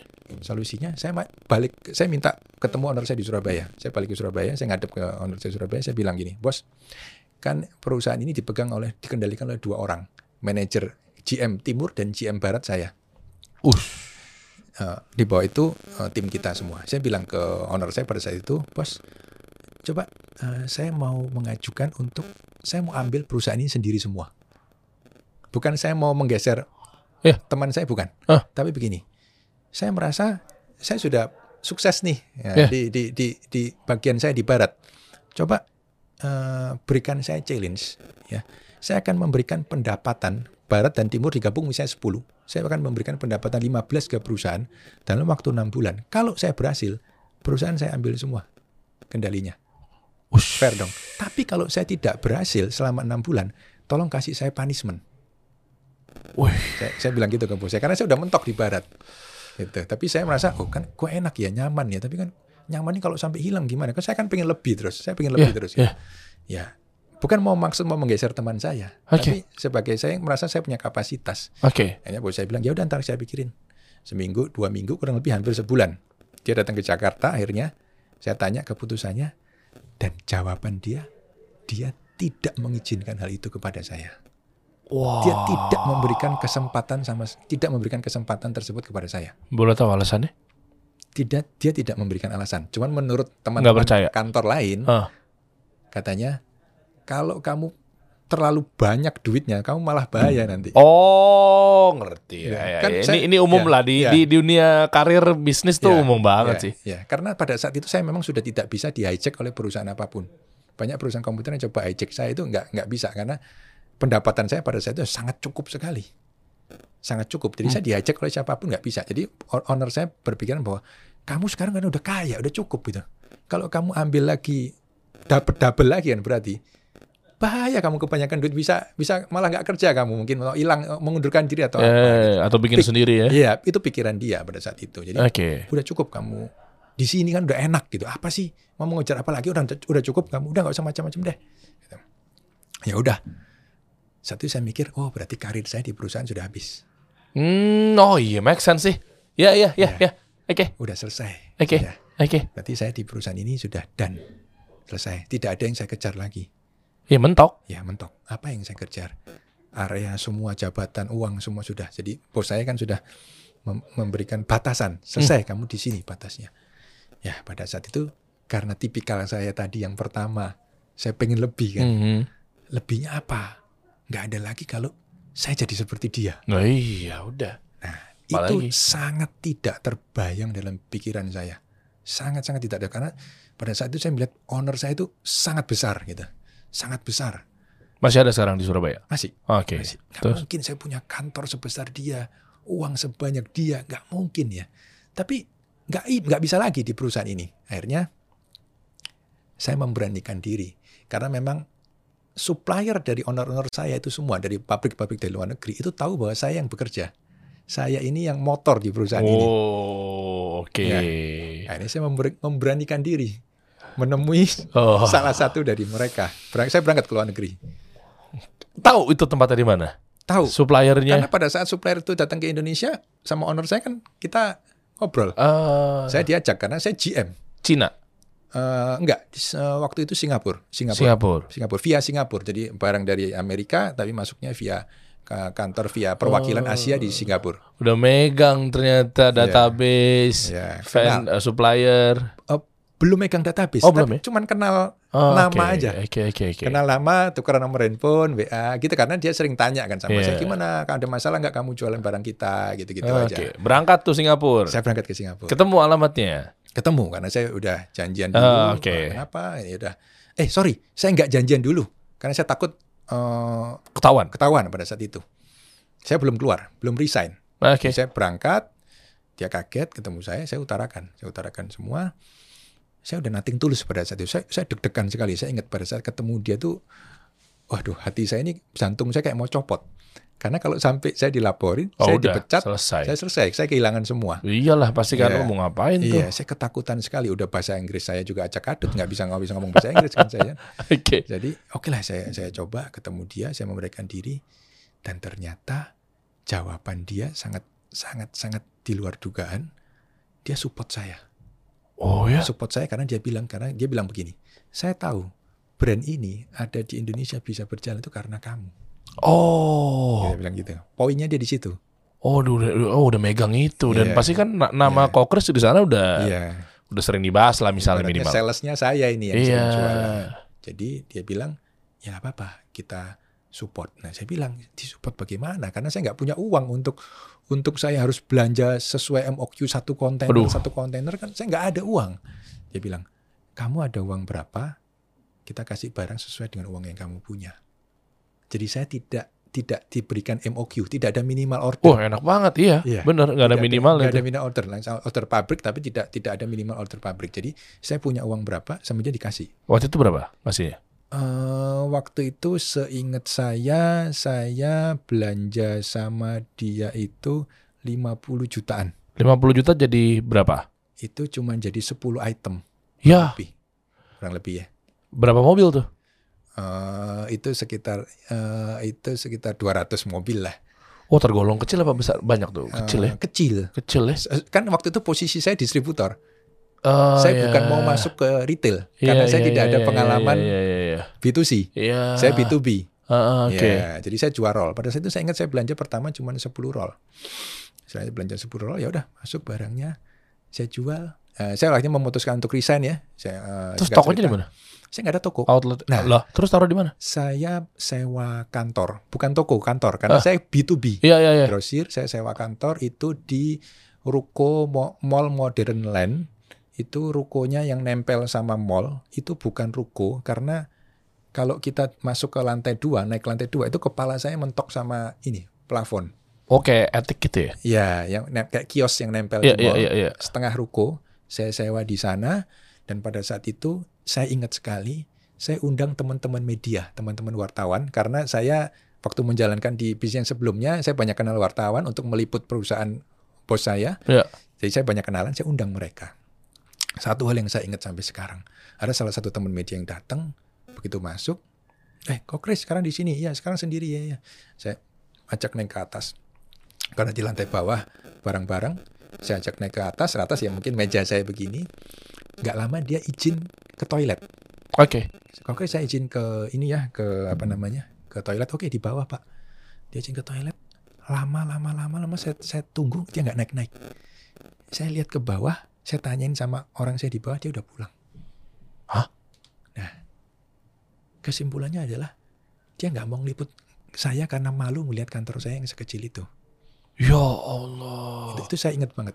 Oh, belum sukses, belum segede Iya. sekarang misalnya Ya, ya. karena biasanya kan saya panggil di kantor Oh, bos saya yang yang besar, yang mereknya iya. udah, yang bangunan besar, yang udah sukses. Jadi pada saat itu, karena dia ngelihat gini, oke oke saya izin ke toilet kok Chris sebentar ya, dan nggak balik lagi ke atas. Wah, langsung pulang. perjuangan nih. Ya jadi ya ya seperti sangat hina memang pada saat itu, terlalu kecil untuk saya diliput media. Dia melihat gitu, terlalu kecil ini. Wah, ada mungkin dia dalam hati mungkin marah-marah kan, ya kan, waduh udah jauh-jauh ya kan. Iya, Tapi di ya kan nggak menarik. Iya. Kan jurnalis pasti butuh Iya. visual dan seterusnya Iya, kan. iya. Jadi dia pulang. Tapi itu membekas bagi saya dan membuat membuat lecutan buat saya. Oh, gila ya. Kalau di belakang saya sesuatu yang besar, mereka dulu welcome sama saya. Wah, ini manusia nih. Ya, tapi begitu saya di posisi ini, saya begini, betul kenal itu. Tapi ya udah, nggak apa-apa. Nah, pada saat saya eh, membuat akan membuat sebuah brand masterpiece ini, saya berpikiran gini, karena saya pasti head on dengan bos saya. Ya. Saya ada tiga hal selalu yang saya saya eh, camkan. Yang pertama, apakah kamu bisa menjadi yang terbesar? Pada saat itu, saya kalau meluncurkan sebuah brand masterpiece ini, saya nggak bisa jadi yang terbesar. Karena yang terbesar banyak. Kompetitor saya yang nomor satu, Ya. itu aja udah besar banget. Ya. Oke, berarti poin pertama saya gagal. Oke. Poin kedua, apakah kamu bisa menjadi yang pertama? Nggak bisa juga. Yang Udah. pertama sudah banyak kompetitor saya. Ya. Jadi menjadi yang terbesar tidak bisa, menjadi yang pertama pun tidak bisa. Terus? Poin ketiga, apakah kamu bisa menjadi yang berbeda? Ini yang saya ambil. Ah, see. Ini yang saya ambil. Akhirnya pada saat itu saya menjual produk kaca film masterpiece pertama kali yang berasal dari Jepang. Biasanya US. US. Oh Iya. iya. 3M US ya? US semuanya US, tidak ada yang dari Jepang. Apa? Lumar eh? 3M, uh, Vikul, Vikul, Lumar, Lumar. Oh iya, Solarguard. Oh iya. dari US. US ya? Ya, dan saya bikin image-nya memang Jepang. Booth pameran saya ke Jepangan, packing-packingnya saya Jepang, katalognya saya ke Jepang-Jepangan, websitenya semua emang Jepang semua. Tapi udah diuji belum bahwa itu adalah quality over quantity? Maksudnya kualitinya lebih Oh iya tentu, itu seperti pedoman saya yang pertama pada saat saya di Perfection. ah Tetap itu saya pakai. Tetap Iya, itu saya pakai. iya, lebih iya. murah, kualitas lebih bagus. Wajar. Tapi untuk saya bisa dengan cepat mengungguli kompetitor saya, membuat atensi, perhatian dari konsumen ini melirik ke produk saya, Iya. saya butuh sesuatu kan. Iya betul. Ya, Iya. butuh sesuatu. Positioning, em, Iya. diferensiasi Iya. dan seterusnya. Betul. Dan saya tidak bisa menggunakan yang namanya uang karena uang saya terbatas. Kalau orang bilang ya gampang kamu kalau mau sesuatu kamu branding aja, pameran aja. Saya kan nggak punya terbatas untuk Mm-mm. belanja barang aja saya saya masih quantity kecil. Iya. Otomatis saya harus mempackage atau mem- mem-create supaya barang saya ini kan terlihat beda. Wih. Kayak kayak misalnya ada produk 10 nih, Iya. putih-putih-putih semua. Ada yang hitam satu kan, kita kelihatan Iya, dia hitam. Betul. Iya, Oh ini jadi Jepang nih ya? Jepang. Apa brandnya? Masterpiece. Brand sendiri kaca film? Iya, on on brand, on brand saya sendiri. Oh, Produknya, ya? produknya dari kaca film Jepang, dari pabrik dari Jepang. Dari pabrik, ah, oke dari Yes, Jepang. dari Jepang. Ya kan buatan Jepang, produsennya Jepang. Iya, kita masuk. Tapi masukin. memang masuk di ya semacam formulasinya di maklon, maklon. Maklon lah ya, Iya. maklon. Gue pengennya kayak begini, begini, Iya, begini, iya, begini, iya. begini. Ah, begini begininya kan ilmu semua tuh. Iya, yang iya. udah dijalani Yang sekian udah tahun bisa- tuh. ya. Betul. 15 tahun gitu ya di perusahaan yang lama. Saya jadi mau ganti ke sini sih. Iya. Saya jadi penasaran kalau dari kisah perjuangannya beliau tadi kan nggak mungkin seorang sales tuh ibaratnya seperti itu ya Iya. hitung-hitungan manusia nih bela-belaan begini bisa penjualannya seperti itu artinya sales yang udah tahu jatuh bangun udah tahu dalamnya seperti apa pasti kan pengen melakukan hal-hal yang memang betul-betul terbaik ya. Ini penting. Jadi begini, Ah, mungkin eh, sharing untuk on- para ownership juga ya. Iya. Kadang kalau owner tuh kan aku nggak mau tahu biar anak buah semua gue yang jalanin deh. ya.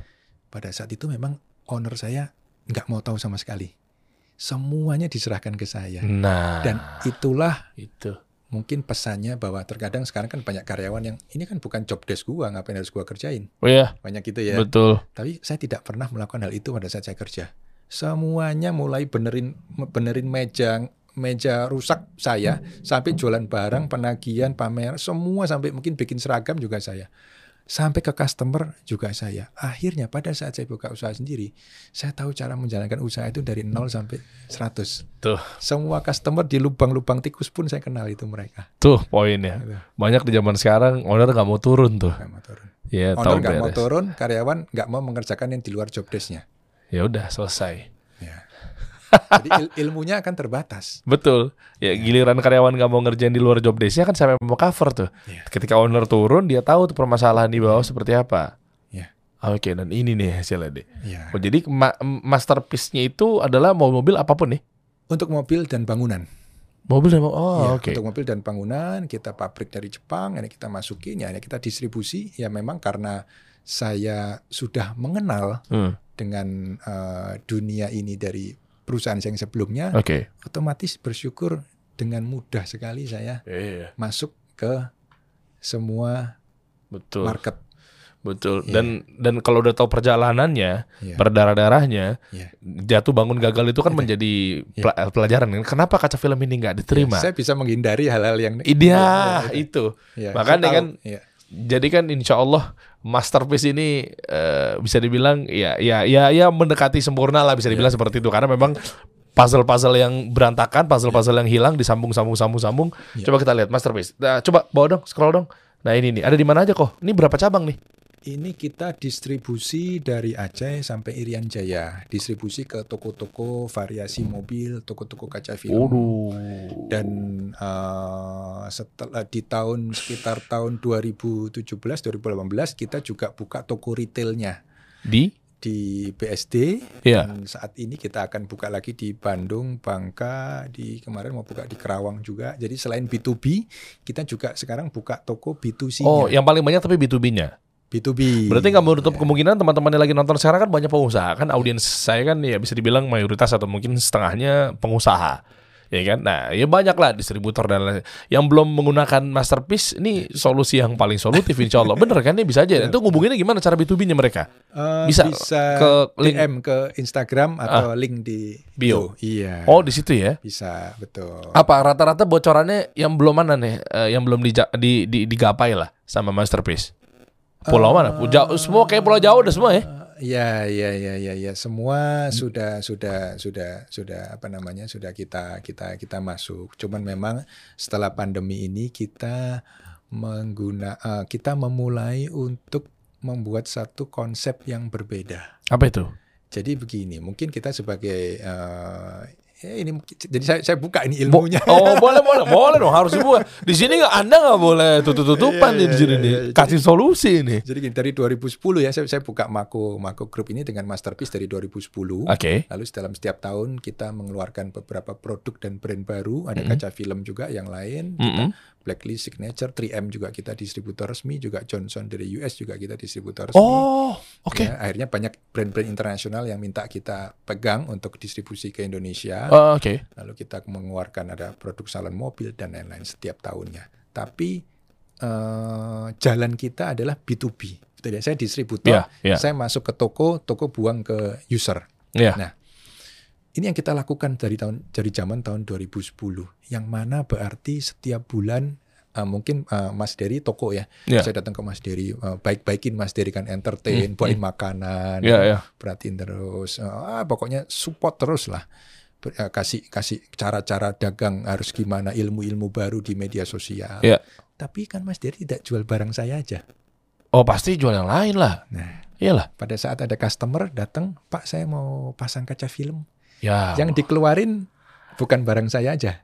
Iya oke Ya, sepakat. Mungkin kalau saya kemarin habis bawain makanan ke Mas Dery, besoknya barang saya Oh mungkin beda cerita betul. Ya, Bisa ya. jadi diprioritasin tuh. prioritasi. Eh, eh. Tapi setelah satu minggu ada sales bawa makanan lebih enak lagi, lebih banyak lagi, beda lagi kan? Iyalah nggak bisa habis lah. Nggak habis-habis Iya. seperti itu terus. Mana yang menguntungkan saya aja. Iya. Lah terus? Dan akhirnya saya kan merasa wah capek juga ya gua. Iya nggak ada Ya. ujungnya sih. Lah terus pakai apa kok? Saya support eh, toko ini, Oh. ibaratnya dalam tanda kutip ya, mohon maaf ya. Saya seperti modalin barang, eh, modalin usaha. Karena saya memberikan barang dengan term of payment. TOP.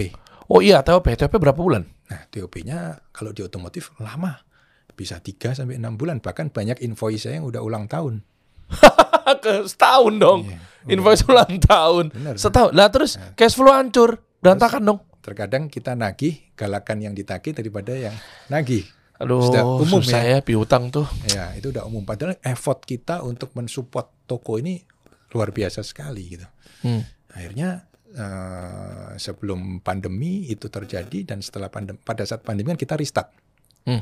Dua tahun bisnis semua turun ya, termasuk semua usaha saya juga turun, sehingga kita harus berpikir sesuatu yang baru. Terus? Kita harus berpikir cara yang baru. Hmm. Saya nggak mau saya capek lagi dengan orang-orang yang ibaratnya gini. Ilustrasinya adalah kita menikah dengan pasangan yang tukang selingkuh. Wah capek, capek, Capek kan ya? Capek lah. Ya kan tiap hari padahal kita udah ngebiayain apa Mhm. tapi selingkuh terus, capek Betul. kan? Sama kan seperti kita dengan klien. Oh iyalah. Ya 10 klien ya bukan berarti seperti itu semua, Iya. tapi sebagian kecil.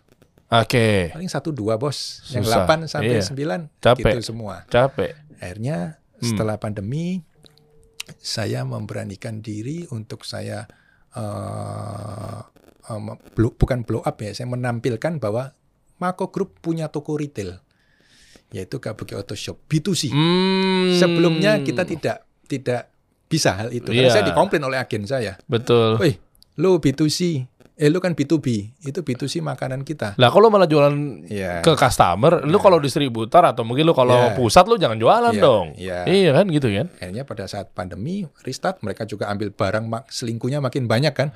Wah, karena ya saya kita nggak nyalain karena toko harus hidup. Iya. Mereka harus hidup. Ah. Otomatis semua barang diambil. Iya oke.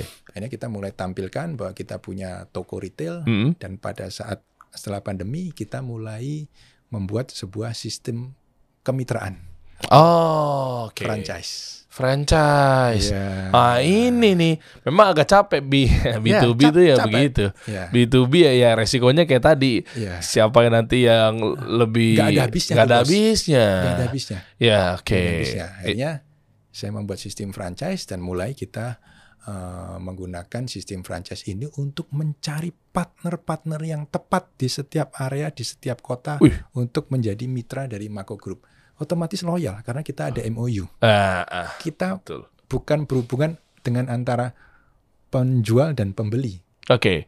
tapi kita partner, mitra. Oh, Oke, dan benefit apa ketika berpartner dengan Mako Group? Oke, benefitnya adalah saya selalu jelaskan kepada mitra kita.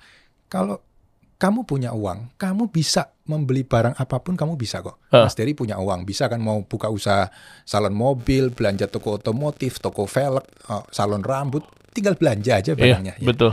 Tapi nantinya kan Mas Dery berhubungan dengan sales. Misalnya Mas Dery buka toko toko kain lah ya. Iya. Saya sales kain. Oke. Setiap saya datang, motivasi saya adalah menjual barang sebanyak-banyaknya kepada Mas Dery. Iya, apalagi Bukan untuk memikirkan bagaimana barang ini bisa keluar dari toko Mas Dery. Oh iya, kalau mitra A sampai Z-nya dibantu gimana Sales saya cara datang bukan nawarin barang, Eh, Bos. Sales saya datang bagaimana toko kamu supaya ramai dengan barang saya.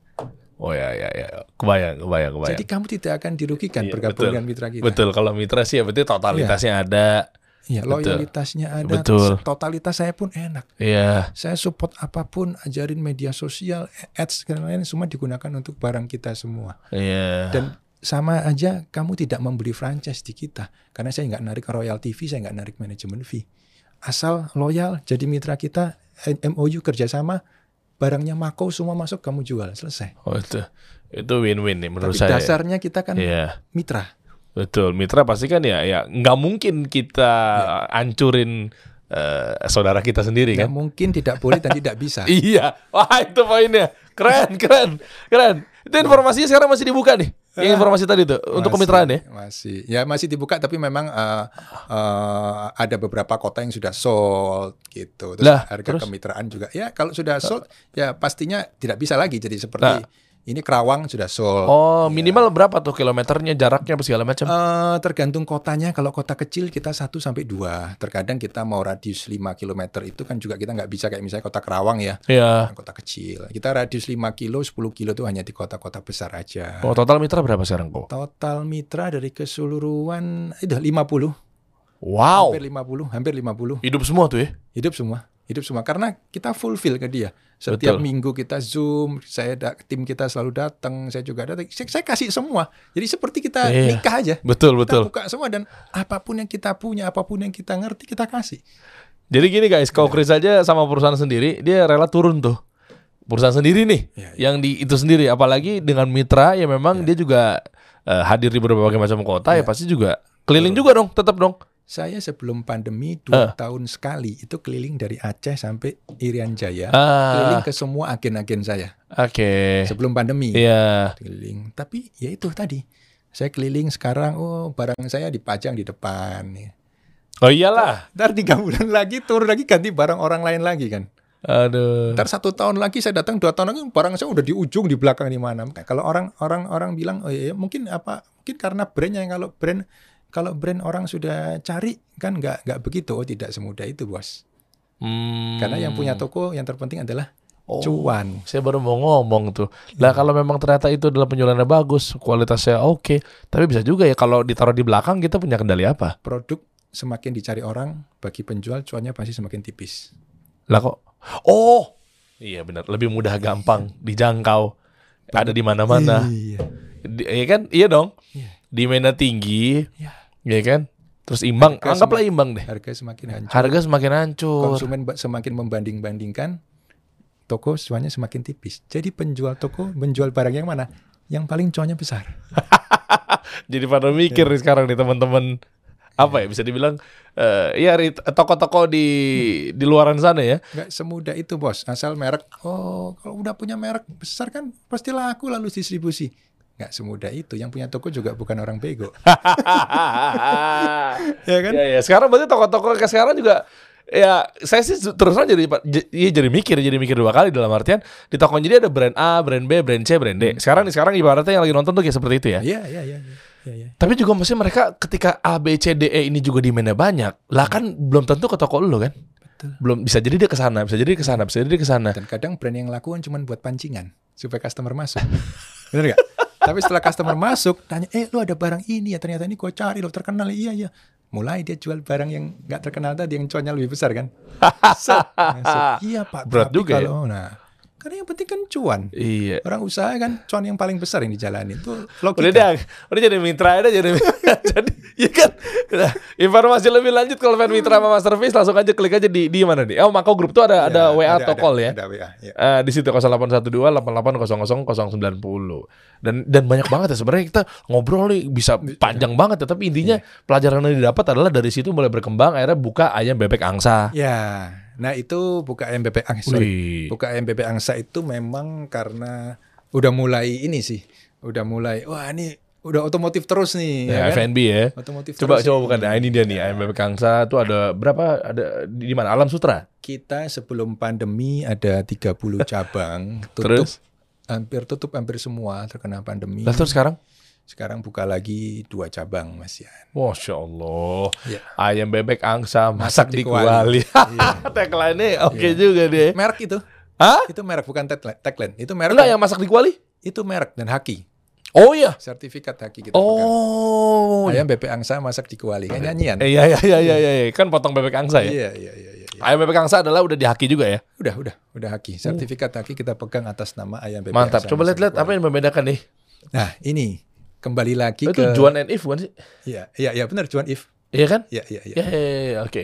Nah, Kocak ini mungkin sama seperti pedoman saya pada saat saya selalu Ah. mengeluarkan sebuah uh, produk yang pertama yang terbesar atau berbeda. Ini Selalu juga ya. saya ambil yang berbeda. Karena semua resto masyarakat Indonesia ayam itu sudah menjadi makanan Iya. utama. Betul. Bebek juga sudah. Mm, betul. Di resto saya, saya ada restoran satu-satunya yang menjual menu angsa dengan harga terjangkau. Kalau kita mau makan menu angsa, itu kita harus ke hotel bintang 5, bos. Iya, tahu saya tahu. Hotel Oh, itu mahal itu. Angsa. Dan Mahal. harganya mahal banget. Angsa, Bos. Iya, Si- iya. Iya, iya, iya. Nah, terus di sini kok bisa dapat suppliernya dari Ada, mana? Ada, Ada ya? ada. Dan jadi masyarakat bisa menikmati daging angsa dengan berbagai macam olahan dengan harga yang terjangkau. Tanpa ke hotel. Tanpa ke hotel. Ayam bebek angsa di Alam Iya. Sutra dan Alam Sutra dan Tang City Mall sekarang. Ah, oke. Iya, masih Tuh. di Tangerang. Duh, saya jadi pengen Sebelum, tan- sebelum pandemi kita ada banyak, cuman Waduh. ya terkena pandemi, Oke. usaha kuliner. Ngeri ngeri ngeri. Kita jabarin aja dari hydrophobic lab. Ini ini oh ini buat Nah, ini adalah sebuah usaha Heeh. salon motor dan helm. Oh tapi motor-motor yang Motor-motor harian, bukan motor mugi. Vario Beat. Vario, Beat, Scoopy, Ah, NMAX, oke. X-Max, Aerox gitu. Motor-motor harian yang kita Eh, gunakan ya? sehari-hari. Iya. Waduh. Jadi kita masuk ke industri Kabuki motor. banyak amat kok. Nah, ini eh, toko retail kita. Yang saya saya eh, info tadi yang sebelumnya kita nggak nggak masuk ke B2C, kita Ah. tidak berani Oh punya ini. ini adalah eh, toko retail kita. Lah kita akan buka ini ya klik di workshop. Coba workshop. Nah, itu kita yang akan eh, dalam waktu dekat kita akan buka untuk Eh. toko retailnya. Oke. Yaitu kita akan buka di Bangka kalau nggak salah di Nah, itu coming soon akan buka di Oh. Kalimantan Selatan, Bandung, Bangka dan Kerawang. Oh ini auto detailing ini ya? Iya, ini auto detailing kaca film dan karpet mobil. Oh oke. Iya, karpet mobil. Oke first class itu apa? Karpet Karpet. custom fit. Oh coba klik. Iya, Coba klik itu. class. Oke. Betul. Ih, Jadi begini. nih. Jadi Uya Kuya Ata Halilintar. iya. Ush. Jadi saya dalam dalam dalam saya mengeluarkan se- sebuah produk, Mm-mm. saya selalu kita mempunyai karakter yang pertama adalah kita selalu mengeluarkan sebuah produk yang tidak ada mengalami penurunan modal sama sekali. Ini salah satunya. Semua produk saya. Oh oke. Ya, artinya dalam industri otomotif saya tidak akan mengeluarkan barang-barang variasi mobil, aksesoris mobil seperti lampu-lampu, Ya, ya enggak ya? audio dan lain-lain. Alasannya? Alasannya contoh lampu aksesoris. Bulan ini musimnya lampu merah-merah Aduh, kelap klip. bisa berubah tuh ya. Bulan depan biru, Iya. bulan depan lagi putih. Iya. Kalau yang lampu merah kita nggak cepet keluarin, Ah capek. kita mau jual rugi pun orang nggak mau. Alasannya apa? Ini sudah nggak tren, mas. Iya capek. Ya, kita mau main audio misalnya ya, Iya. ada yang Bluetooth, double DIN, WiFi, semua teknologinya berkembang cepat. Iya. Kalau kita bisa menjual dengan cepat tidak ada masalah. Tapi kalau kita misalnya toko lagi sepi, Nah, ah, nah, sedangkan stok kita masih banyak yang lama, ah. orang datang ditawarin kayak handphone aja. Ini mah udah lama versi lama. Ah, yang ah. baru kan udah ada Bluetoothnya. Otomatis modal kita kan turun terus. Betul. Kita berkejar-kejaran dengan waktu. Betul. Kalau karpet enggak ya? Kaca film. Dari zaman dulu nenek moyang cuma Oh, silver iya. sama hitam. Oh iya. Iya. Oke. Sam- Wah ini ilmu nih. Iya. Iya iya. Salon mobil dari zaman dulu poles itu ada. Saya Iya. kita belum lahir pun moles itu ada. Iya iya. Habis poles di coating dan lain-lain. Iya. Karpet mobil, karpet mobil itu kan hal yang umum. Iya. Semua juga pakai dan dari zaman dulu juga begitu karpet mie. Iya. Nah, itu satu poin. Jadi tidak perlu sampai ya kita cepat mau cepat jual, tapi kalaupun amit-amit sampai ada perlambatan jual, barang ini nggak akan basi. Iya. Nice. Itu satu. Nice. Lalu yang kedua, Mm. saya selalu eh, membuat sebuah produk yang tidak bisa dihancurin di online. Hmm, apa tuh? Ya ini barang-barang ini. Oh. Contoh. Mas Dery mau beli lembaran kaca film di online. Bisa nggak pasang? Enggak sih, nggak bisa, bos, Nah, nggak nggak bisa bisa. ya? Udah kita manggil tukang tuh atau Eh. minimal ke sini Ke sini nih. kita. Iya, udah. Mas Dery mau beli obat poles coating. Bisa nggak pasang di Nggak bisa. Nggak bisa. Karpet saya itu karpet custom fit. Saya kasih rollnya pun Mas Dery nggak bisa Nggak motong jadi bener. bisa. Keren juga. ya. Jadi semua kembali lagi ke kita, manggil kita jasa. Eh tolong dong. Oh, ini ilmu nih. Pasangin. Ya, ya, ya. Setelah profit kita bisa, bisa. Iya, pantesan. Top coat juga ya. sama. Salon mobil juga. Aduh. Ada obatnya saya kasih gratis nih Mas Dery obatnya top coat. Nggak bisa juga pakainya. Informasi lebih lanjut langsung aja dia di obrolan yang penuh makna dan valuable nih banget nih. Oh, Karena mantap ya. pengalaman aja. Iya lama. Jadi ini kunjungin aja tadi ya semuanya eh, berderet usaha-usaha beliau nih informasi lebih lanjut kalau mau nanya-nanya DM aja Christopher Sebastian tuh, kok Chris tuh. Iya. Ada di sini nih ini akunnya, centang biru ya. Dari jauh kayak veteran Antolin nih. thank you kau udah mampir ya kau ya. Thank you, thank you. Terdekat mau ngapain lagi nih? Buka di mana? Eh, kita ada banyak sih. Kita akan ada buka. Saya juga nggak hafal. Waduh. Ada di masing di bio saya itu kalau diklik ada workshop. Iya. Itu ada beberapa kota yang kita akan buka coming soon-nya. Eh, banyak sih, banyak banyak banyak banyak banyak. Eh, ngeri, dan ngeri. dan kita juga ada mau produk-produk produk baru juga di otomotif yang kita akan masuk di tahun ini. Ya, ngeri. seputar itu itu aja lah, Mas Dery. Oh itu itu aja. Bisanya cuman itu kan otomotif. Kita, kuliner. bisa cuma itu tapi fokusnya di situ. ya udah, ngebut tuh. Ya, ya, ya, ya, ya, gitu. Salam buat teman-teman di sana ya. Siap. Eh, bosnya di Surabaya apa kabar tuh? Masih ada. Eh, masih ada. merasa bersaing nggak sama di- dia? Apa dia merasa bersaing sama Anda? Eh ya ya ketemu sih nggak pernah mau lihat muka saya. ya kalau saya sih masih nyapa karena dia adalah salah satu orang Ya. yang berjasa dalam hidup saya. Suruh balik lagi mau nggak? Eh ya nggak mau nggak mau. Buat apa gitu ya? Buat apa? Iya iya iya. iya. Kita kasih solusi.